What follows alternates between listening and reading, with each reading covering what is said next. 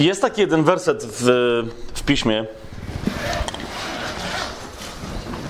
który mówi nie tyle o tym, jak, jak się ewangelizuje, jak się głosi Ewangelię, ale jak powinny wyglądać e, kręgi wpływów głoszenia Ewangelii. Tak? Mm, e, że głoszenie Ewangelii jest właśnie rozchodzeniem się ducha, w którym uczestniczą poszczególne pojedyncze osoby e, jako głoszący, ale jednocześnie z pamięcią o tym, że to się dokonuje w organizmie. Tak? I, i to jest drugi, drugi list do Tymoteusza.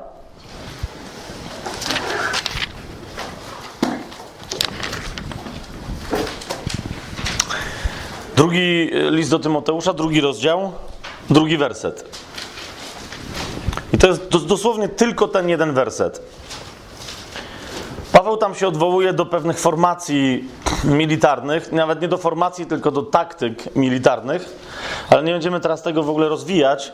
E, mówię to tylko dlatego, bo sławny werset drugi Tymoteusza 2:3 mówi cierp razem ze mną jako dobry żołnierz Chrystusa Jezusa, tak?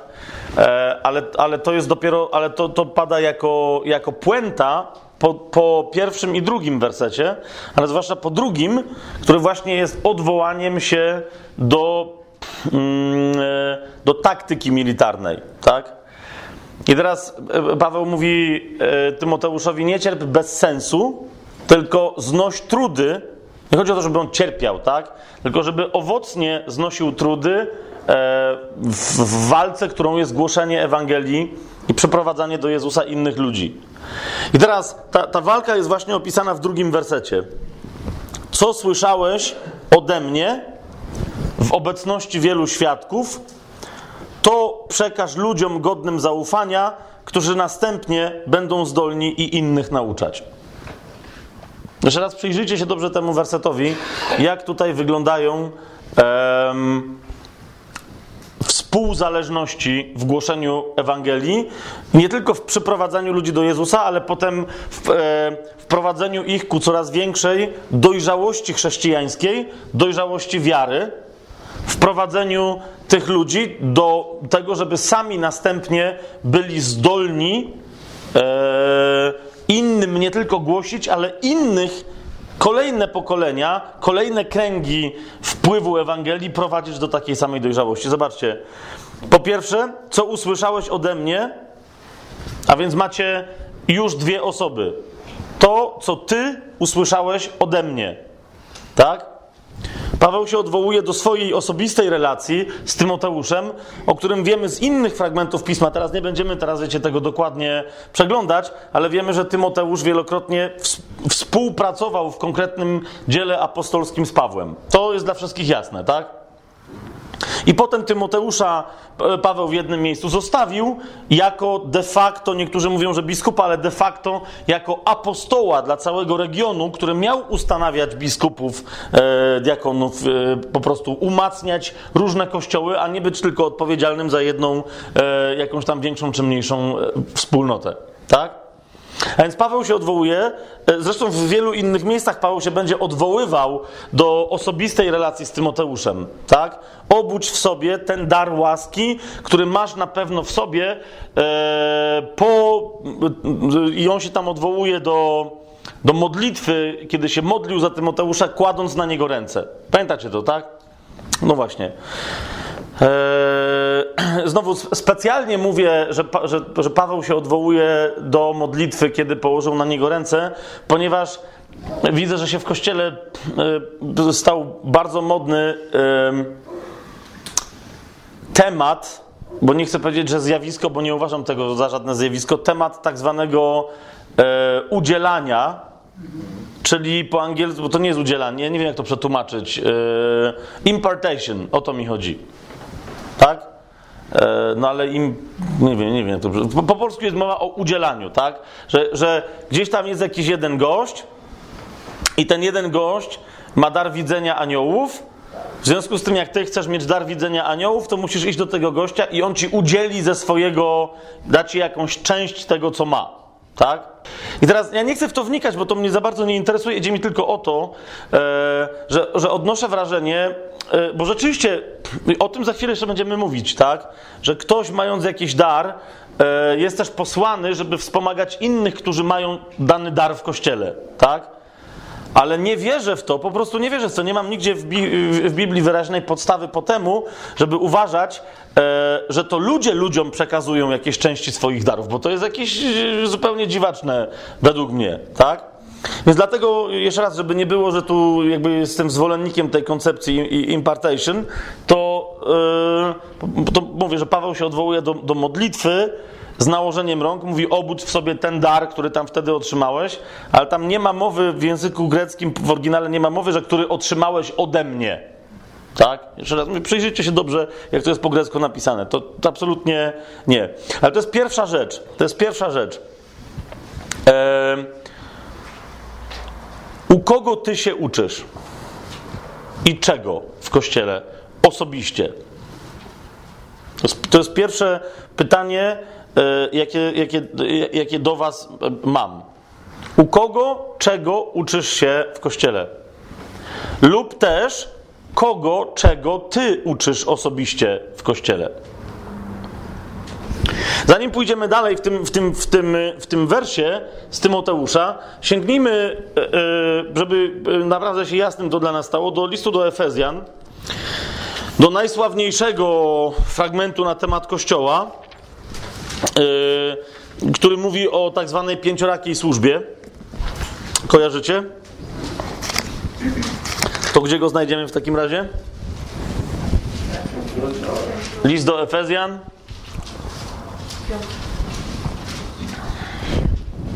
A, to taki on jest sławny. Okej. Okay.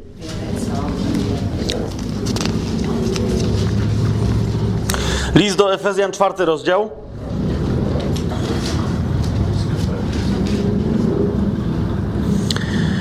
Jedenasty werset. Zwykle mówi się, że w, e, w kościele istnieje, potem ludzie mają jakieś takie w ogóle nieporozumienia, że w kościele istnieje pięcioraka służba, potem Paweł mówi e, w pierwszym liście do Koryntian o jakichś nadzwyczajnych darach, którymi się ludzie mają posługiwać i tak dalej, i tak. Otóż rozróżnijmy dwa fakty, tak?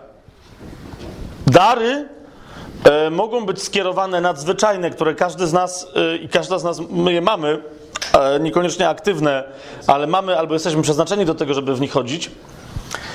Niemniej pięcioraka służba e, jest służbą skierowaną do posługi Kościołowi i tylko częściowo do posługi na zewnątrz Kościoła. Zauważcie, co, co mamy napisane w liście do Efezjan. Czwarty rozdział, jedenasty werset.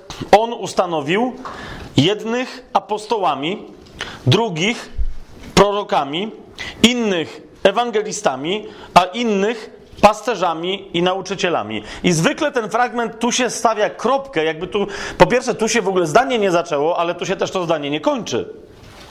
A więc słyszymy, że Pan ustanowił w kościele pięć ogólnie ujętych służb, i potem zwykle zaczyna się nauczanie na temat tych służb. Kto to jest apostoł? Że apostoł to jest nieważne teraz, tak? Że apostoł to jest ktoś tam, ktoś tam, prorok, kto to jest? To jest ktoś tam, ktoś tam, ewangelista. Ale zwykle jest takie, wiesz, że ci, ci ludzie służą i kościołowi, i ludziom niewierzącym. No bo na przykład ewangelista, jak ma służyć kościołowi? Tak? Więc jakby, wiesz, wiecie, jest takie, no, że ci służą tym, ci tym i te pięcioraki służby opisują wszystko, co robi Kościół. Nie, nieprawda. Te pięciorakie służby opisują całość tego, co Kościół ma robić dla Kościoła. Wiemy o tym z dwunastego wersetu. No właśnie, tak? Po co Pan ustanowił jednych apostołami, drugich prorokami, innych ewangelistami, a innych pasterzami i nauczycielami?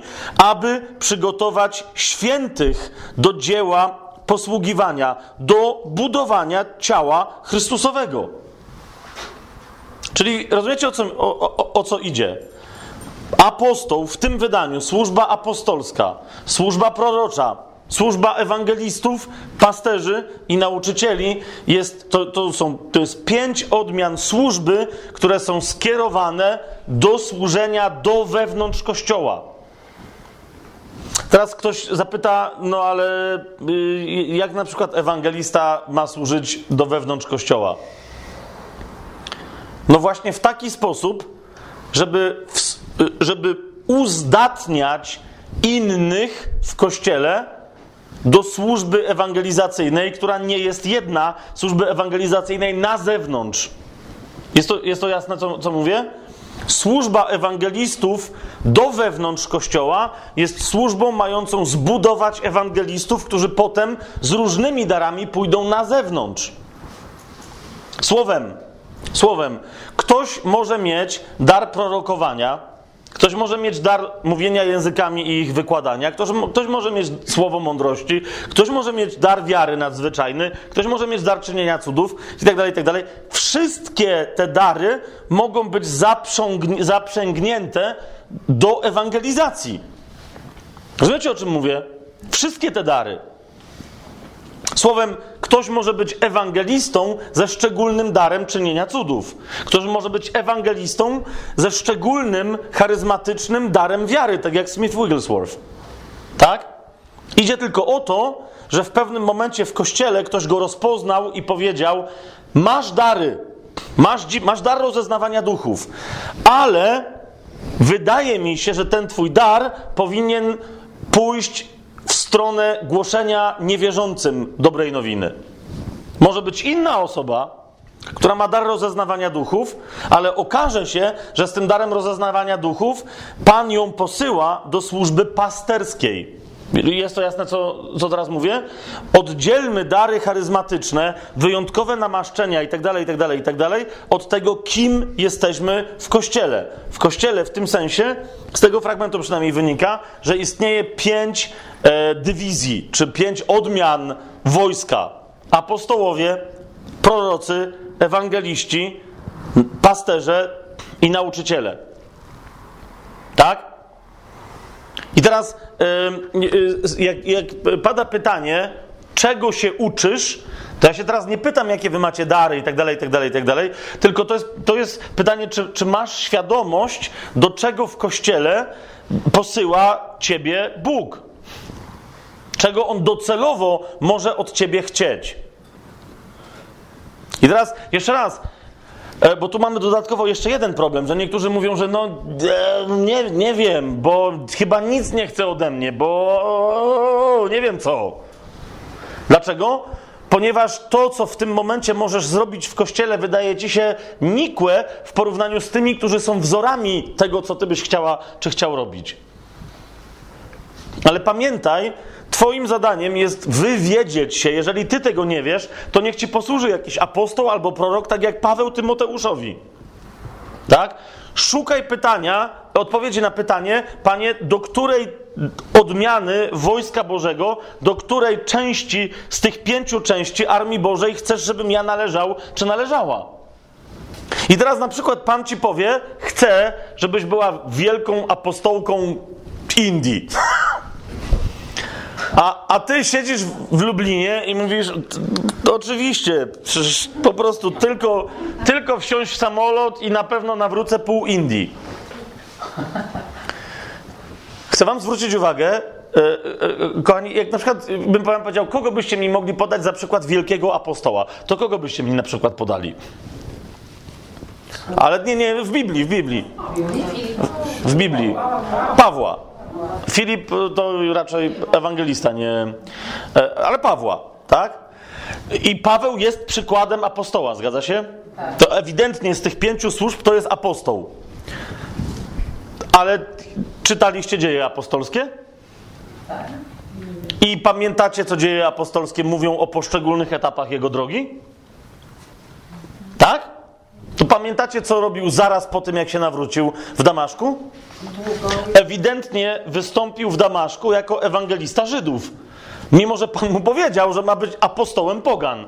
Ale Paweł występuje jako. Zobaczmy dzieje apostolskie. Zobaczcie razem ze mną dzieje apostolskie. Zobaczcie, to jest y, dziewiąty rozdział dziejów apostolskich, dziewiętnasty werset. Yy, drugie zdanie w 19 wersecie jest powiedziane o Pawle. I przebywał zaledwie kilka dni z uczniami, którzy byli w Damaszku. Zaledwie kilka dni po swoim chrzcie, po tym, jak wiecie, po tym całym doświadczeniu z Panem, tam się. Zaledwie kilka dni, a już zaczął zwiastować w synagogach Jezusa, że on jest synem Bożym. Widzicie, o co mi chodzi? No nie, ma, nie, nie mamy tutaj powiedzianego, że Paweł był ewangelistą, ale Paweł zaczął, mając być apostołem, zaczął od posługi ewangelisty.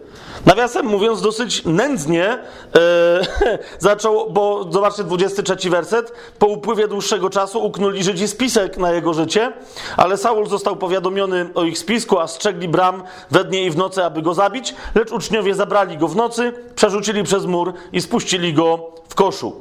A kiedy przybył do Jerozolimy, starał się przyłączyć do uczniów, ale wszyscy się go bali, nie wierząc, że on też jest uczniem. Tak? Więc macie Pawła, który dosyć namieszał na początku, e, e, jako ewangelista, tak namieszał, że w pewnym momencie zniknął. Potem nie będziemy historii rozwijać, ale jak do, do, dobrze będziecie czy, e, śledzić e, skrupulatnie historię Pawła, to zobaczycie, że Pawła dopiero Barnaba odzys odzyskał dla kościoła, tak? Poszedł po niego, gdzieś wiedział, gdzie on jest, odszukał go, sprowadził go i mówi: Stary, pomóż nam, bo, bo ty masz dary. Wiemy o tym, że masz dary. A więc widzicie, po, po, po młodego Pawła, młodego w wierze przynajmniej, idzie Barnaba, który mu musi w tamtym momencie przypomnieć yy, o jego powołaniu. I teraz yy, otwórzcie sobie razem ze mną trzynasty rozdział, bo tam otrzymacie drugą zadziwiającą wiadomość. Otóż w pewnym momencie, właśnie kiedy Barnaba e, przy, przywrócił Pawła do posługi, Paweł zaczyna posługiwać razem z innymi w Antiochii. Słowo Boże mówi bardzo wyraźnie, że Paweł posługiwał w Antiochii w służbie proroczej i w służbie nauczycielskiej. Nie był ewangelistą i zdecydowanie nie był jeszcze apostołem. Zobaczcie, 13 e, rozdział dziejów apostolskich, pierwszy werset. Co mówi? W Antiochii, tamtejszym zborze, byli prorokami i nauczycielami. Kim? Prorokami i nauczycielami. Dwie służby są wymienione. Kto do tych służb należał? Barnaba i Symeon, zwany Niger, i Lucjusz Cyrenejczyk, i Manaen, który się wychowywał razem z Herodem Tetrarchą, i kto? I Saul. A więc widzicie, e, uczy się innego rodzaju, oczywiście mając być apostołem, zaraz wam to trosz, nieco bardziej e, tam wyjaśnię, ale widzicie, wiedząc o tym, bo Pan powiedział, Pan e, nie tylko jemu, e, Ananiaszowi bodaj też Pan mówi, tak, że ja mu pokażę, ile on będzie musiał wycierpieć i kim ma być dla mnie, tak? Ale Paweł cierpliwie uczy się, że tak powiem, swojej roboty w Armii Bożej, tak? Jako nauczyciel i jako prorok. I dopiero wtedy, zauważcie, gdy oni odprawiali służbę pańską, drugi werset, i pościli, rzekł Duch Święty, odłączcie mi Barnabę i Saula do tego dzieła, do którego ich powołałem. Dopiero w tym momencie, tak? O, zostawmy na razie Barnabę, nie na razie, ale w ogóle zostawmy Barnabę. Tylko mówię o Saulu. Po, po epizodzie bycia ewangelistą, bycia nauczycielem i prorokiem, Pan mówi, teraz odłączcie mi Saula jako Pawła, do, wreszcie do tego, do czego ja od początku go powołałem. Dopiero teraz jest gotowy. Tak? I wtedy po odprawieniu postów i modlitwy nałożyli na nich ręce i wyprawili ich. I oto rozpoczyna się historia dopiero w tym momencie, w 13 rozdziale, wielkiego Pawła Apostoła. Tak? Oczywiście Paweł wiedział, kim ma być, ale zauważcie, nie rzucał się gwałtownie, że musi tym kimś być od razu. Tak? Pokornie swoje lekcje przyjmował. Jeszcze raz, jeszcze raz ponawiam pytanie. Jeżeli nie wiesz, to, to pytanie niech w tobie brzmi, niech w tobie pracuje. Do jakiej służby Pan ciebie powołał w swoim kościele? Na jakim etapie swojego przyłączenia się do tej służby w tym momencie się znajdujesz? Apostoł, najogólniej tylko rzeczy ujmując, apostoł, znacie ten, e, tą metaforę z pięcioma palcami, tak? Pięciu, e, pięciorakiej służby. Okej, okay, ale kto nie zna? E, na początku jest kto? Jaka służba? Apostołowie, tak? Potem prorocy, potem ewangeliści, potem pasterze, I na końcu nauczyciele. Otóż tak, i według mnie ta metafora jest dosyć dobra. Jak będziecie, nie wiem, dzieci uczyć czy czegoś, to to jest, to jest fajna rzecz, tak? Otóż pierwsi są apostołowie. Apostołowie są jak kciuk dla całej ręki. Po pierwsze, jeżeli nie masz kciuka, nie masz chwytności, tak? To kciuk powoduje, że cała ręka jest w stanie coś chwycić i nie puścić, tak? Po drugie, nie wiem, czy wy w ogóle o tym wiedzieliście. E, neurobiologia i parę po, pokrewnych e, kognitywistyka, e, na przykład dziedzin nauki pokazują, że nie wiem, czy to wiedzieliście. W mózgu obszar, który zarządza możliwością dotknięcia kciukiem pozostałych palców, okay, jest znacznie większy niż obszar, który zarządza całą prawą albo lewą nogą. Krótko mówiąc, krótko mówiąc, potrzebujemy znacznie więcej inteligencji niż dochodzenia na nogach do tego, żeby zrobić tak. Ok? Ewolucjoniści na przykład, oczywiście my nie jesteśmy ewolucjonistami, ale powiadają, że to dlatego pewnie ludzie są bardziej inteligentni niż małpy, ponieważ nauczyli się robić tak, z kciukiem. Ok? W ten, w ten sposób. Ok, ale apostołowie, zauważcie, jako kciuk służba apostolska ma łatwy kontakt ze wszystkimi innymi służbami. Widzicie to?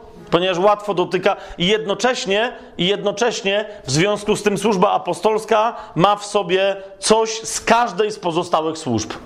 Tak?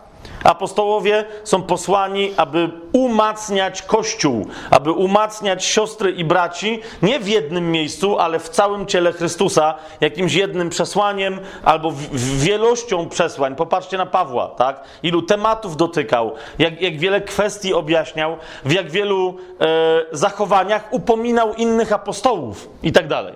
Tak? Więc to jest apostoł. Prorocy bardzo łatwo zapamiętać, to jest palec wskazujący, tak? Prorok pokazuje na kogoś i mówi mu, co się dzieje, tak? Prorok pokazuje na przykład za okno i mówi: Za tym oknem widzę, że. Nie wiem, czy wy widzicie, co jest za tym oknem, ale ja jestem w takiej pozycji, że widzę, tak? Ty też jesteś prorokiem, to też widzisz, że tam jest kasztanowiec. Tak? Nie wiem, czy to jest kasztanowiec, teraz przegiąłem. E, ale, ale tak, no a wszyscy mówią, a okej, okay, to jest prorok, tak? Teraz zauważcie, jeżeli na przykład ktoś, kto jest posłany do służby proroczej w kościele, zostanie, ponieważ tak jest dziwnie skonstruowany kościół, ustanowiony na przykład pastorem, to stąd się często bierze problem masy ludzi z takim pastorem, którzy oczekują od niego posługi pasterskiej, a nie rozumieją, że mają do czynienia z prorokiem. Dlaczego? Ponieważ e, ci, którzy oczekują posługi pasterskiej, pasterz jest tutaj, tak? Pasterze są tutaj. Jaki to jest palec? Serdeczny. To właśnie, tak? Ludzie, którzy przychodzą do pastora jako do pasterza, niekoniecznie muszą przychodzić do pastora, ale którzy oczekują usługi pasterskiej, przychodzą, żeby się wygadać i oczekują, że pasterz będzie słuchał. Jasne to jest? No właśnie, a dokładnie z drugiej strony jest prorok, do którego jak ktoś przychodzi i myśli, że się tam wygada, to jest zawiedziony, bo prorok od razu mu mówi, no nie? Prorok nie jest od tego, żeby słuchać ludzi, tylko żeby i oni go słuchali. Rozumiecie, o co mi idzie? Zna popatrzcie na ludzi, którzy są nazywani pastorami. Niekoniecznie mi teraz chodzi o Przemka, bo to jest dosyć wyjątkowa postać, ale chodzi mi o to, że. Ale, na, na, ale na, nawet po, o, o, różnych, wiecie, tu się pojawia pastor taki, tam pastor taki, tam pastor taki. Z tego nazewnictwa wynikałoby, że oni wszyscy są pasterzami, tak? A jeden jeździ z uzdrowieniem, drugi jeździ z nauczaniem na temat budowania zborów, trzeci jeszcze, wiecie o co mi chodzi, czwarty jeszcze coś, tak? I bardzo często żaden z tych gości nie jest w stanie wysłuchać człowieka, no bo nie ma czasu, ma inną robotę, tak? Teraz mi się Bill Johnson przypomina z, z, z, kościoła Bethel, który w kółko gdzieś jeździ, coś tam załatwia. E, na szczęście w pewnym momencie się zorientował, że, że jego posłannictwo w kościele, jego służba to jest służba apostolska i na szczęście ustanowił u siebie pastorów pomocniczych, którzy są pasterzami, tak? Którzy siedzą w biurach, przychodzą do nich ludzie i, i, i wys, oni wysłuchują tych ludzi. Nawiasem mówiąc, jeden z z najciekawszych tych jego pasterzy. On napisał taką książkę, ona wyszła po polsku chyba pod tytułem W duchu szacunku, czy coś. W atmosferze szacunku, o właśnie. Jak on się nazywa? O, właśnie, tak? Więc jak tylko sobie, wiecie, poczytacie jakąkolwiek książkę, jedną, tak, Billa Johnsona, to zobaczycie od razu y, apostolski charyzmat. Ktoś też czytał Billa Johnsona cokolwiek? Natychmiast apostolski charyzmat. A przeczytajcie sobie, sam ty, wiecie, na przykład wszystkie marzenia mają ojca. Taki tytuł, tak? I wiesz, zawsze jakieś wielkie przesłanie. A potem właśnie Dany Silk, e, pasterz, pisze książkę w atmosferze szacunku, tak? I cała ta jego książka jest książką duszpasterską. Jak Kościół ma z miłością traktować ludzi, na przykład, którzy publicznie zgrzeszyli, tak? Bo mąż zdradził żonę, a był liderem uwielbienia. Co masz wtedy zrobić? Tak? Czyli kościół się ma rozpaść, czy co? Wiecie o co mi idzie, tak? I po prostu e, z ogromną trzeźwością, ale i świeżością ten pasterz opisuje e, swoje doświadczenie. Od razu widzisz, że to jest pastor, który jest pasterzem, tak? Dlatego y, ja kiedyś się śmiałem, ale z tego śmiania się potem się coraz mniej śmiałem, a teraz to już całkiem poważnie myślę o tym, żeby zrobić jeden krótki odcinek tajemnego planu pod tytułem Top ten słów, których nie ma w Biblii, a są w chrześcijaństwie. I na, na, pewno w czołowej piątce słów, których nie ma w Biblii, a są w chrześcijaństwie, e, równolegle, numer trzy tak stawiam, że to będzie słowa, to będą równolegle słowa ksiądz i pastor. Tych księży, znaczy tych księży, ty, nie ma takiego słowa w Biblii jak ksiądz i nie ma takiego słowa jak pastor w Biblii. Tak? Niektórzy mówią, no jest właśnie w tym liście do Efezjan. Przecież tam ewidentnie jest czwarta służba, to są, to są pastorzy. Nie. Tam jest, zobaczcie sobie po grecku, tam jest słowo pasterz. Dokładnie takie samo, jak kiedy się pojawia, że pasterze przyszli do Betlejem, pamiętacie, żeby oddać pokłon Panu Jezusowi, tak? Jest dokładnie takie samo słowo, jak Pan Jezus mówi, ja jestem dobrym pasterzem. Moje owce znają mój głos. To po prostu, tak? Pasterz to jest ktoś, kto ma owce. I troszczy się o trzodę Pana Jezusa, jak pasterz normalny troszczy się o owce. Tak? Ksiądz to już w ogóle takiego słowa to już na pewno nie ma. Chociaż topowym słowem, numer jeden na tej mojej liście, tak wam trochę robię spoiler, ale to jest dosyć ciekawe. Zdecydowanie top one na tej liście to będzie słowo Kościół, którego też nie ma w Biblii. Więc wracamy tutaj. E, więc mamy tak, apostołów, którzy mają związek z wszystkimi służbami proroków, którzy wskazują do przodu. W środku są kto? Ewangeliści. Jak powiadają niektórzy, ewangeliści to są ci, którzy uczą innych w kościele, jak można sięgnąć jak najdalej, bo oni mają wyjść ostatecznie do niewierzących, tak? Także jak sięgam tutaj, to palcem, którym na pewno cię dotknę, jak już cię w ogóle dotknę, jest, no właśnie, tak? Jest środkowy palec. Chociaż jak powiadają niektórzy, Pan Jezus powiedział, że jeżeli gdzieś przyjdziecie i was przyjmą, to ok, ale jak nie, to strząśnijcie proch, proch z waszych. To jest też robota ewangelisty, tak? Żeby sięgać, ale jak nie chcą, no to w takim razie to jest wulgarne, ale, ale, ale to, co Pan Jezus powiedział, jest, jest nie, nawet nie wulgarne, ale brutalne, tak? Ponieważ powiedział: strząśnijcie proch z sandałów waszych, z nóg waszych, tak? I niech wasz pokój do was wróci. On tam wtedy nie zostaje. Tak? Jeszcze raz, e, tylko i wyłącznie ci z Was, którzy są powołani do służby jako ewangeliści, nie będą mieli niepokoju w sercu w momencie, kiedy powiedziałem to, co powiedziałem. Tylko i wyłącznie ewangeliści nie boją się wziąć pokój z powrotem do siebie i nie zostawić go ludziom i pójść dalej. To, to nie ja. No właśnie. Tak? Ponieważ tylko ewangeliści są w stanie zrobić to z miłością, tak? Inna rzecz, że ewangeliści w tym sięganiu bardzo daleko są naprawdę dziwaczni. Znałem, znaczy nie znałem osobiście, tylko znałem człowieka, który znał grupę e, francuską, która była nazywana sikającą ewangelizacją. E, bo e, oni chodzili jak świadkowie Jehowy od drzwi do drzwi e, i pytali ludzi, którzy im otwierali, czy chcieliby usłyszeć Ewangelię Dobrą Nowinę o Panu Jezusie. Tak? Jak chcieli słyszeć, to im głosili.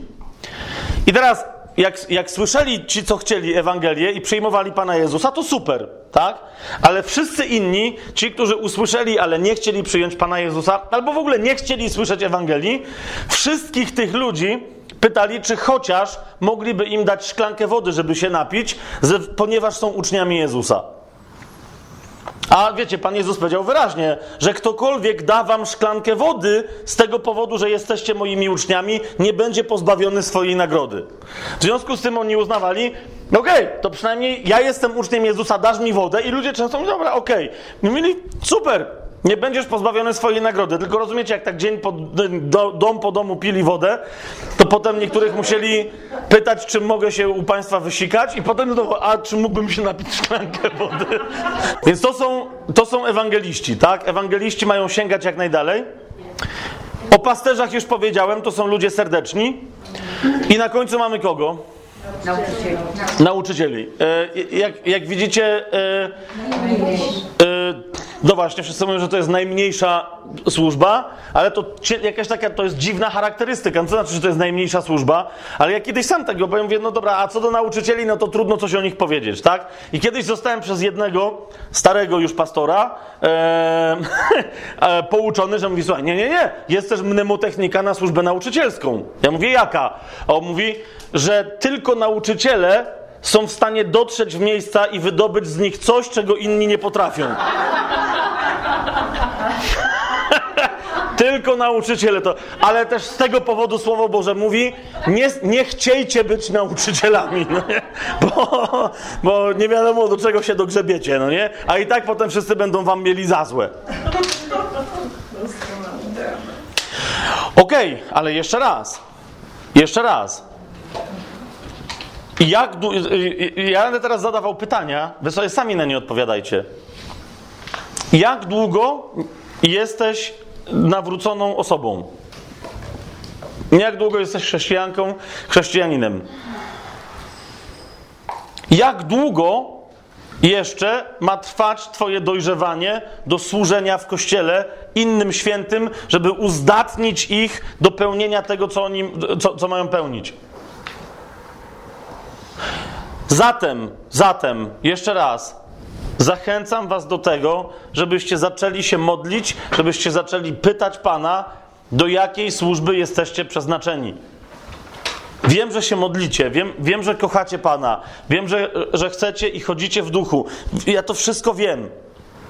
Ale jeszcze raz pytam, jak długo ma trwać Twoje korzystanie z posługi innych ludzi w kościele i czemu ta posługa ma służyć. Bo tutaj dotkniemy pewnego istotnego tematu. Jest to wynik przedstawiania kościoła kościołowi jako zgromadzenia ławkowego. Ok? To znaczy, ludzie przychodzą do kościoła i nawet jak my już mówimy, że ale my wiemy, że kościół to nie jest budynek, to i tak przychodzą na, na, zgromadzenie, nawet jak nie mają swojego budynku, i oczekują, że ktoś tam coś będzie robił. I oni się do tego przyłączą. Tak? No, że pastor powie kazanie, albo kogoś tam zaprosi. Jeszcze jak pastor gra i śpiewa i tańczy, no to już jest w ogóle super. Ale ewentualnie wyznaczy jakiegoś lidera uwielbienia, tak? Wyznaczy jakichś diakonów, którzy jedni będą od ustawiania ławek i krzeseł, a drudzy będą witać ludzi w drzwiach, podawać im ręce i tak dalej, i tak dalej. Zaznaczę na razie tylko jeden drobiazg, jeden drobiazg, ale tak, żebyście już y, zaczęli przy tym myśleć. Czy tak samo wyglądałaby wasza służba, gdybyście spotykali się w kościele w niedzielę znaczy w większej grupie, jako w kościele w środę, kiedy tam jeszcze się możecie spotykać, ale jednocześnie, gdybyście żyli w formujących was małych kościołach domowych. Czy tak samo by to wtedy wyglądało? Wyobraź sobie, że w niedzielę spotykasz się właśnie z pastorem, z innymi ludźmi i tak dalej, żeby wielbić Pana, żeby ogłaszać Jego chwałę, żeby świętować wspólnie z innymi, dobra, ale w tygodniu masz spotkanie Twojego, że się tak wyrażę, podstawowego kościoła, którym jest kościół domowy, a do niego należy sześć osób. Wyobraź sobie tego typu sytuację. Kto wtedy przejmuje odpowiedzialność i za co w tej grupie sześcioosobowej? I jeszcze wyobraź sobie, bo jak czasem jak o tym opowiadam, to niektórzy później mi mówią, ja sobie wyobraziłem, że jestem w kościele domowym z pastorem. Nie, nie, nie. Wyobraź sobie, że jesteś w kościele domowym bez pastora, bez lidera uwielbienia, bez tych ludzi, którzy, jak jest większe zgromadzenie, przejmują pałeczkę. I co wtedy? Co się wtedy dzieje na tym zgromadzeniu? Nikt nie gra, nikt nie śpiewa, nikt nie inicjuje, nikt nie. Kto czym wtedy jest? Oczywiście ja teraz nie mówię, wiecie, nie, nie, nie mówię, że zróbcie rewolucję i zróbcie sobie kościoły domowe, czy grupy domowe, czy cokolwiek, ale rzucam istotne ziarenko, czy nie byłoby wam łatwiej zacząć rozeznawać to, kim jesteście w kościele i do jakich służb należycie, gdybyście mieli bardzo małe grupy, w których by się po prostu mogło to okazać łatwiej. Bo ten, kto ma dar do nauczania, automatycznie by nauczał lepiej niż inny, którego by ciągnęło choćby na ulicę. I jeszcze ktoś inny, kto będąc pasterzem, na przykład od razu wiedziałby, że ktoś jest chory i modliłby się za niego, i wtedy Pan by pobłogosławił tę posługę, uzdrawiając te osoby, za które modliłby się pasterz. Tak? A, a zatem pytaj Pana, kim ty masz być w kościele, pytaj Pana, jak możesz się tego dowiedzieć, jak możesz to odkryć, jak możesz się w tej kwestii upewnić. Jedną z takich dróg, dróg według mnie są, są kościoły i grupy domowe. I do tego Was zachęcam. Ale, je, ale jeszcze jedna rzecz, do której Was zachęcam, to jest być może, jeżeli ktoś z Was ma w sobie tego typu jasność, bo niektórzy mają w sobie tego typu jasność. Tak? Na przykład yy, spotkałem teraz w Poznaniu yy, chłopaka, który podszedł do mnie i jak żeśmy między innymi o tym mówili, podszedł do mnie i mówi: Jestem ewangelistą, co mogę z tym zrobić? Skąd wiesz, że jesteś ewangelistą? Od kiedy ewangelizujesz? Mówi, a nie, jeszcze w ogóle, w ogóle. Ale, ale mówi, jak opisałeś te wszystkie służby, to w ogóle mi się ci wszyscy pozostali ludzie z wyjątkiem tego środkowego palca okazali w ogóle śmieszni. Wydali mi się w ogóle, to jakiś jest bezsens. Nie. Cały Kościół powinien, rozumieć, jak ktoś ma mocne powołanie do danej służby, będzie uważał, że cały Kościół powinien robić tylko ta, co ta, to, co ta służba. Tak? I on sobie coś takiego miał. Mówi, cały kościół powinien przecież wyłazić, mówi, to zawsze denerwuje. Od pięciu zborów odchodziłem z trzech różnych denominacji, bo cały tam nikt nigdzie nie wychodził na ulicę. W związku z tym przelazł do kościoła ulicznego, bo uznał, że no już kto jak to, ale kościół uliczny chyba wychodzi na ulicę. I, I nawet tam zaczął mieć wątpliwości, że co prawda stoją na ulicy, ale według niego dalej nie ewangelizują tak, jakby mogli. Rozumiecie? Czujecie, że to jest ewangelista? Teraz co? Z niego to już wylazło, tak? Ale teraz pytam go, kto według ciebie jest takim ewangelistą już dzisiaj, jakim ty byś chciał być, przynajmniej pod jakimś jednym względem, w jakimś jednym aspekcie. To jest to. Kto może dla ciebie, Pawle, być twoim Barnabą? Kto może dla ciebie, Tymoteuszu, być twoim Pawłem? Kto może być dla ciebie mentorem? Zasadzie nie chodzi mi o mentorstwo, tak jak czasem w tych szkołach rozwoju osobistego o tym tam e, opowiadają, tylko chodzi mi o duchowe mentorstwo. Są dwie możliwości, bo niektórzy mówią, no dobra, ale ja się będę teraz wynurzać i gdzieś tam do kogoś zgłaszać, a on nie ma czasu. Są dwie możliwości, jeżeli się zgłaszasz do kogoś yy, duchowo, żeby go zapytać, co możesz zrobić ze swoją obecnością w służbie. Są tylko dwie możliwości. Piszesz do, nie wiem, do kogo? Do Randego Clarka. Jestem z Polski, nazywam się tak i tak. Według mnie mam dokładnie taką samą przynależność do służby w kościele jak ty. Jak moglibyśmy to zrobić, żebym się mogła, albo żebym się mógł czegoś od ciebie nauczyć? No nie czegoś, tylko tego, tego i tego. Są dwie możliwości tylko. Albo ten Randy Clark nie jest przeznaczonym przez Pana nauczycielem dla ciebie, i ty masz po prostu jakąś zachciankę, w związku z tym albo on nie odpowie, albo ci głupio odpowie, albo cię odrzuci. Wiecie o co mi chodzi, tak?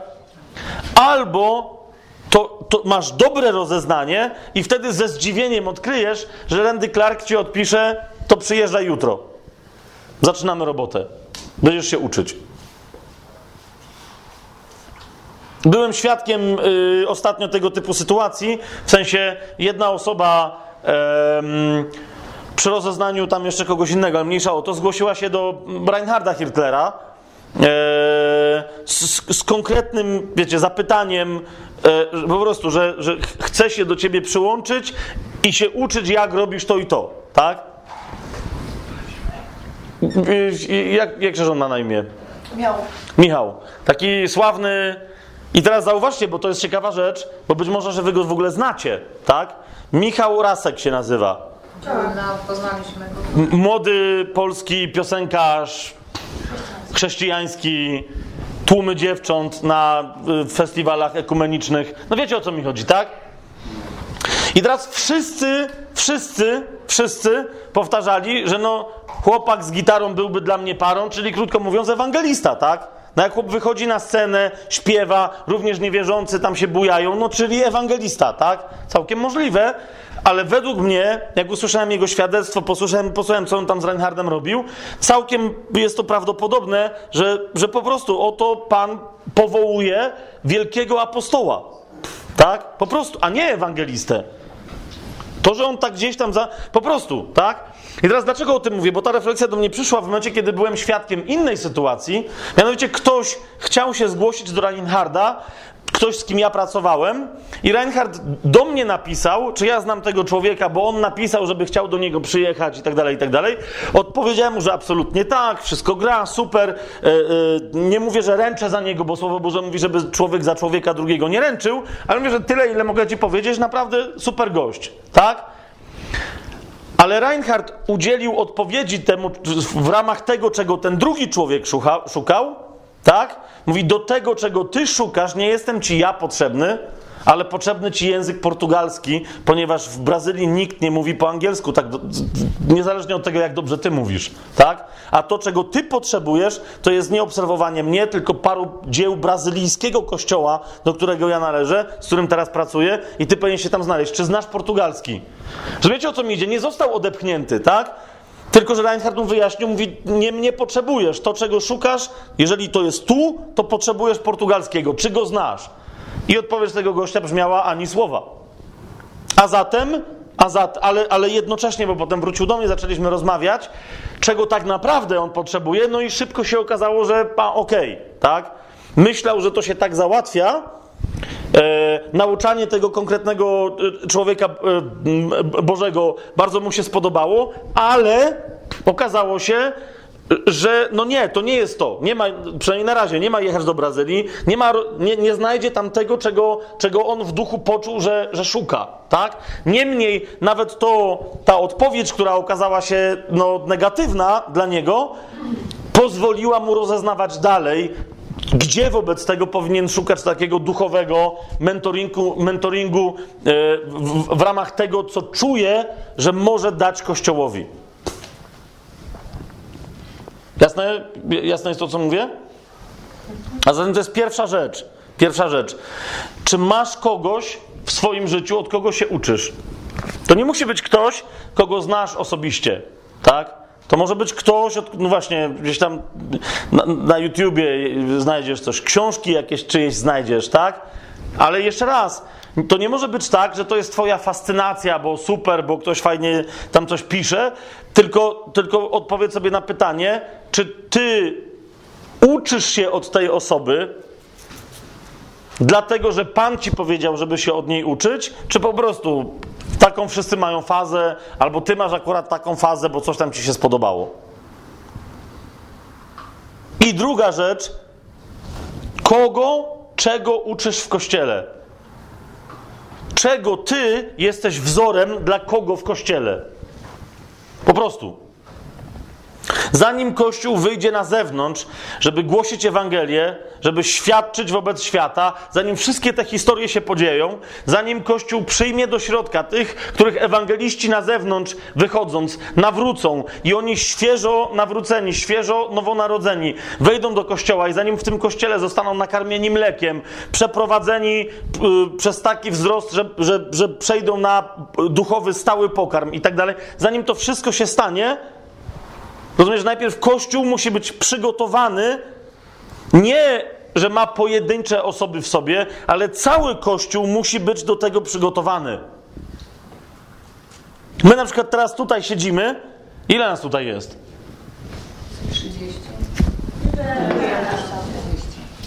Ile? No za 30 osób. Tak?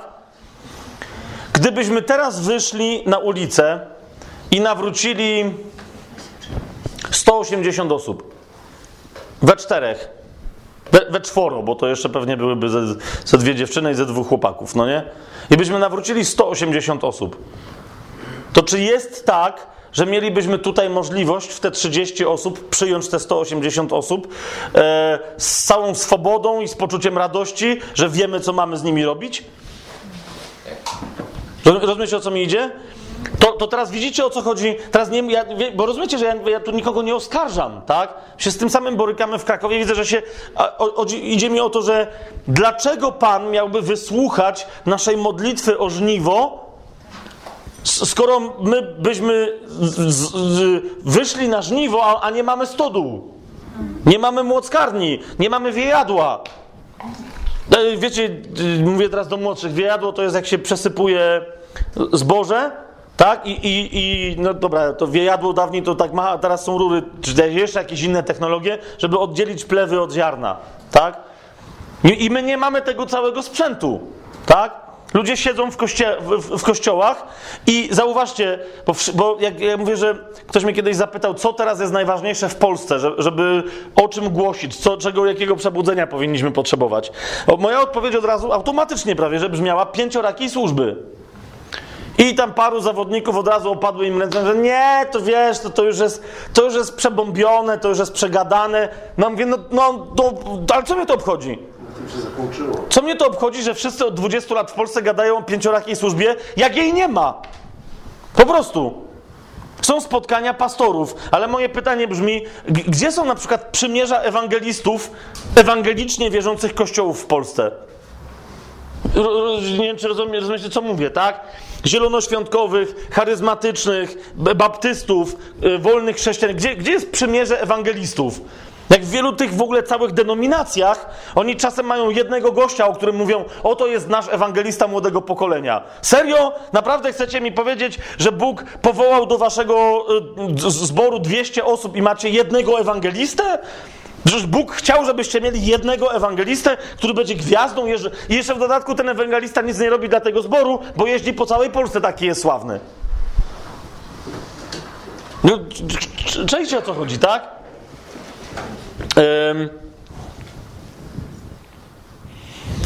jak żeśmy zaczęli tajemny plan yy, i on ma na razie e, ewidentnie charakter nauczycielski dla Kościoła, to cały czas to, to o co się modlę, to, to jest, żeby się pojawili ludzie, którzy będą się chcieli uczyć, jak się uczy w kościele. Dlatego, że będą wiedzieli, że Pan ich do tego powołał, a nie dlatego, e, że skończyli teologię taką czy inną, albo że przeczytali Pismo Święte 684 tysiące razy. Tak? W tej i we w te.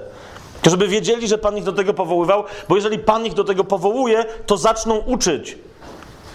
I teraz, co jest ciekawe, ostatnio mieliśmy spotkanie e, z paroma tam odpowiedzialnymi e, mężczyznami, właśnie to jest kolejna rzecz, tak? Z paroma odpowiedzialnymi mężczyznami i ich żonami. Ale genialna rzecz się przydarzyła, tak? Jeden z nich pokazuje na swoją żonę i, i mówi, Fabian mówi, nie wiem co ty sądzisz, ale czy ty nie uważasz, że i tu wymienił jej imię, czy nie uważasz, że, że ona powinna zacząć uczyć? I teraz widzicie, y, no nikt się wtedy nic nie, nie odezwał, tak, bo tam y, paru chłopaków siedziało i tak, to, ale to było takie na zasadzie, e, no ale hello, no kobieta, w ogóle to, to weże, no nie? A, a nawet jak nie mieli takiego, że to kobieta, to, to było takie, weże, no przecież dziewczyna... mm, Ona jeszcze parę lat temu śpiewała w zespole y, y, tym y, hardkorowym, y, w sensie jak to się nazywa? Growlowała, tak?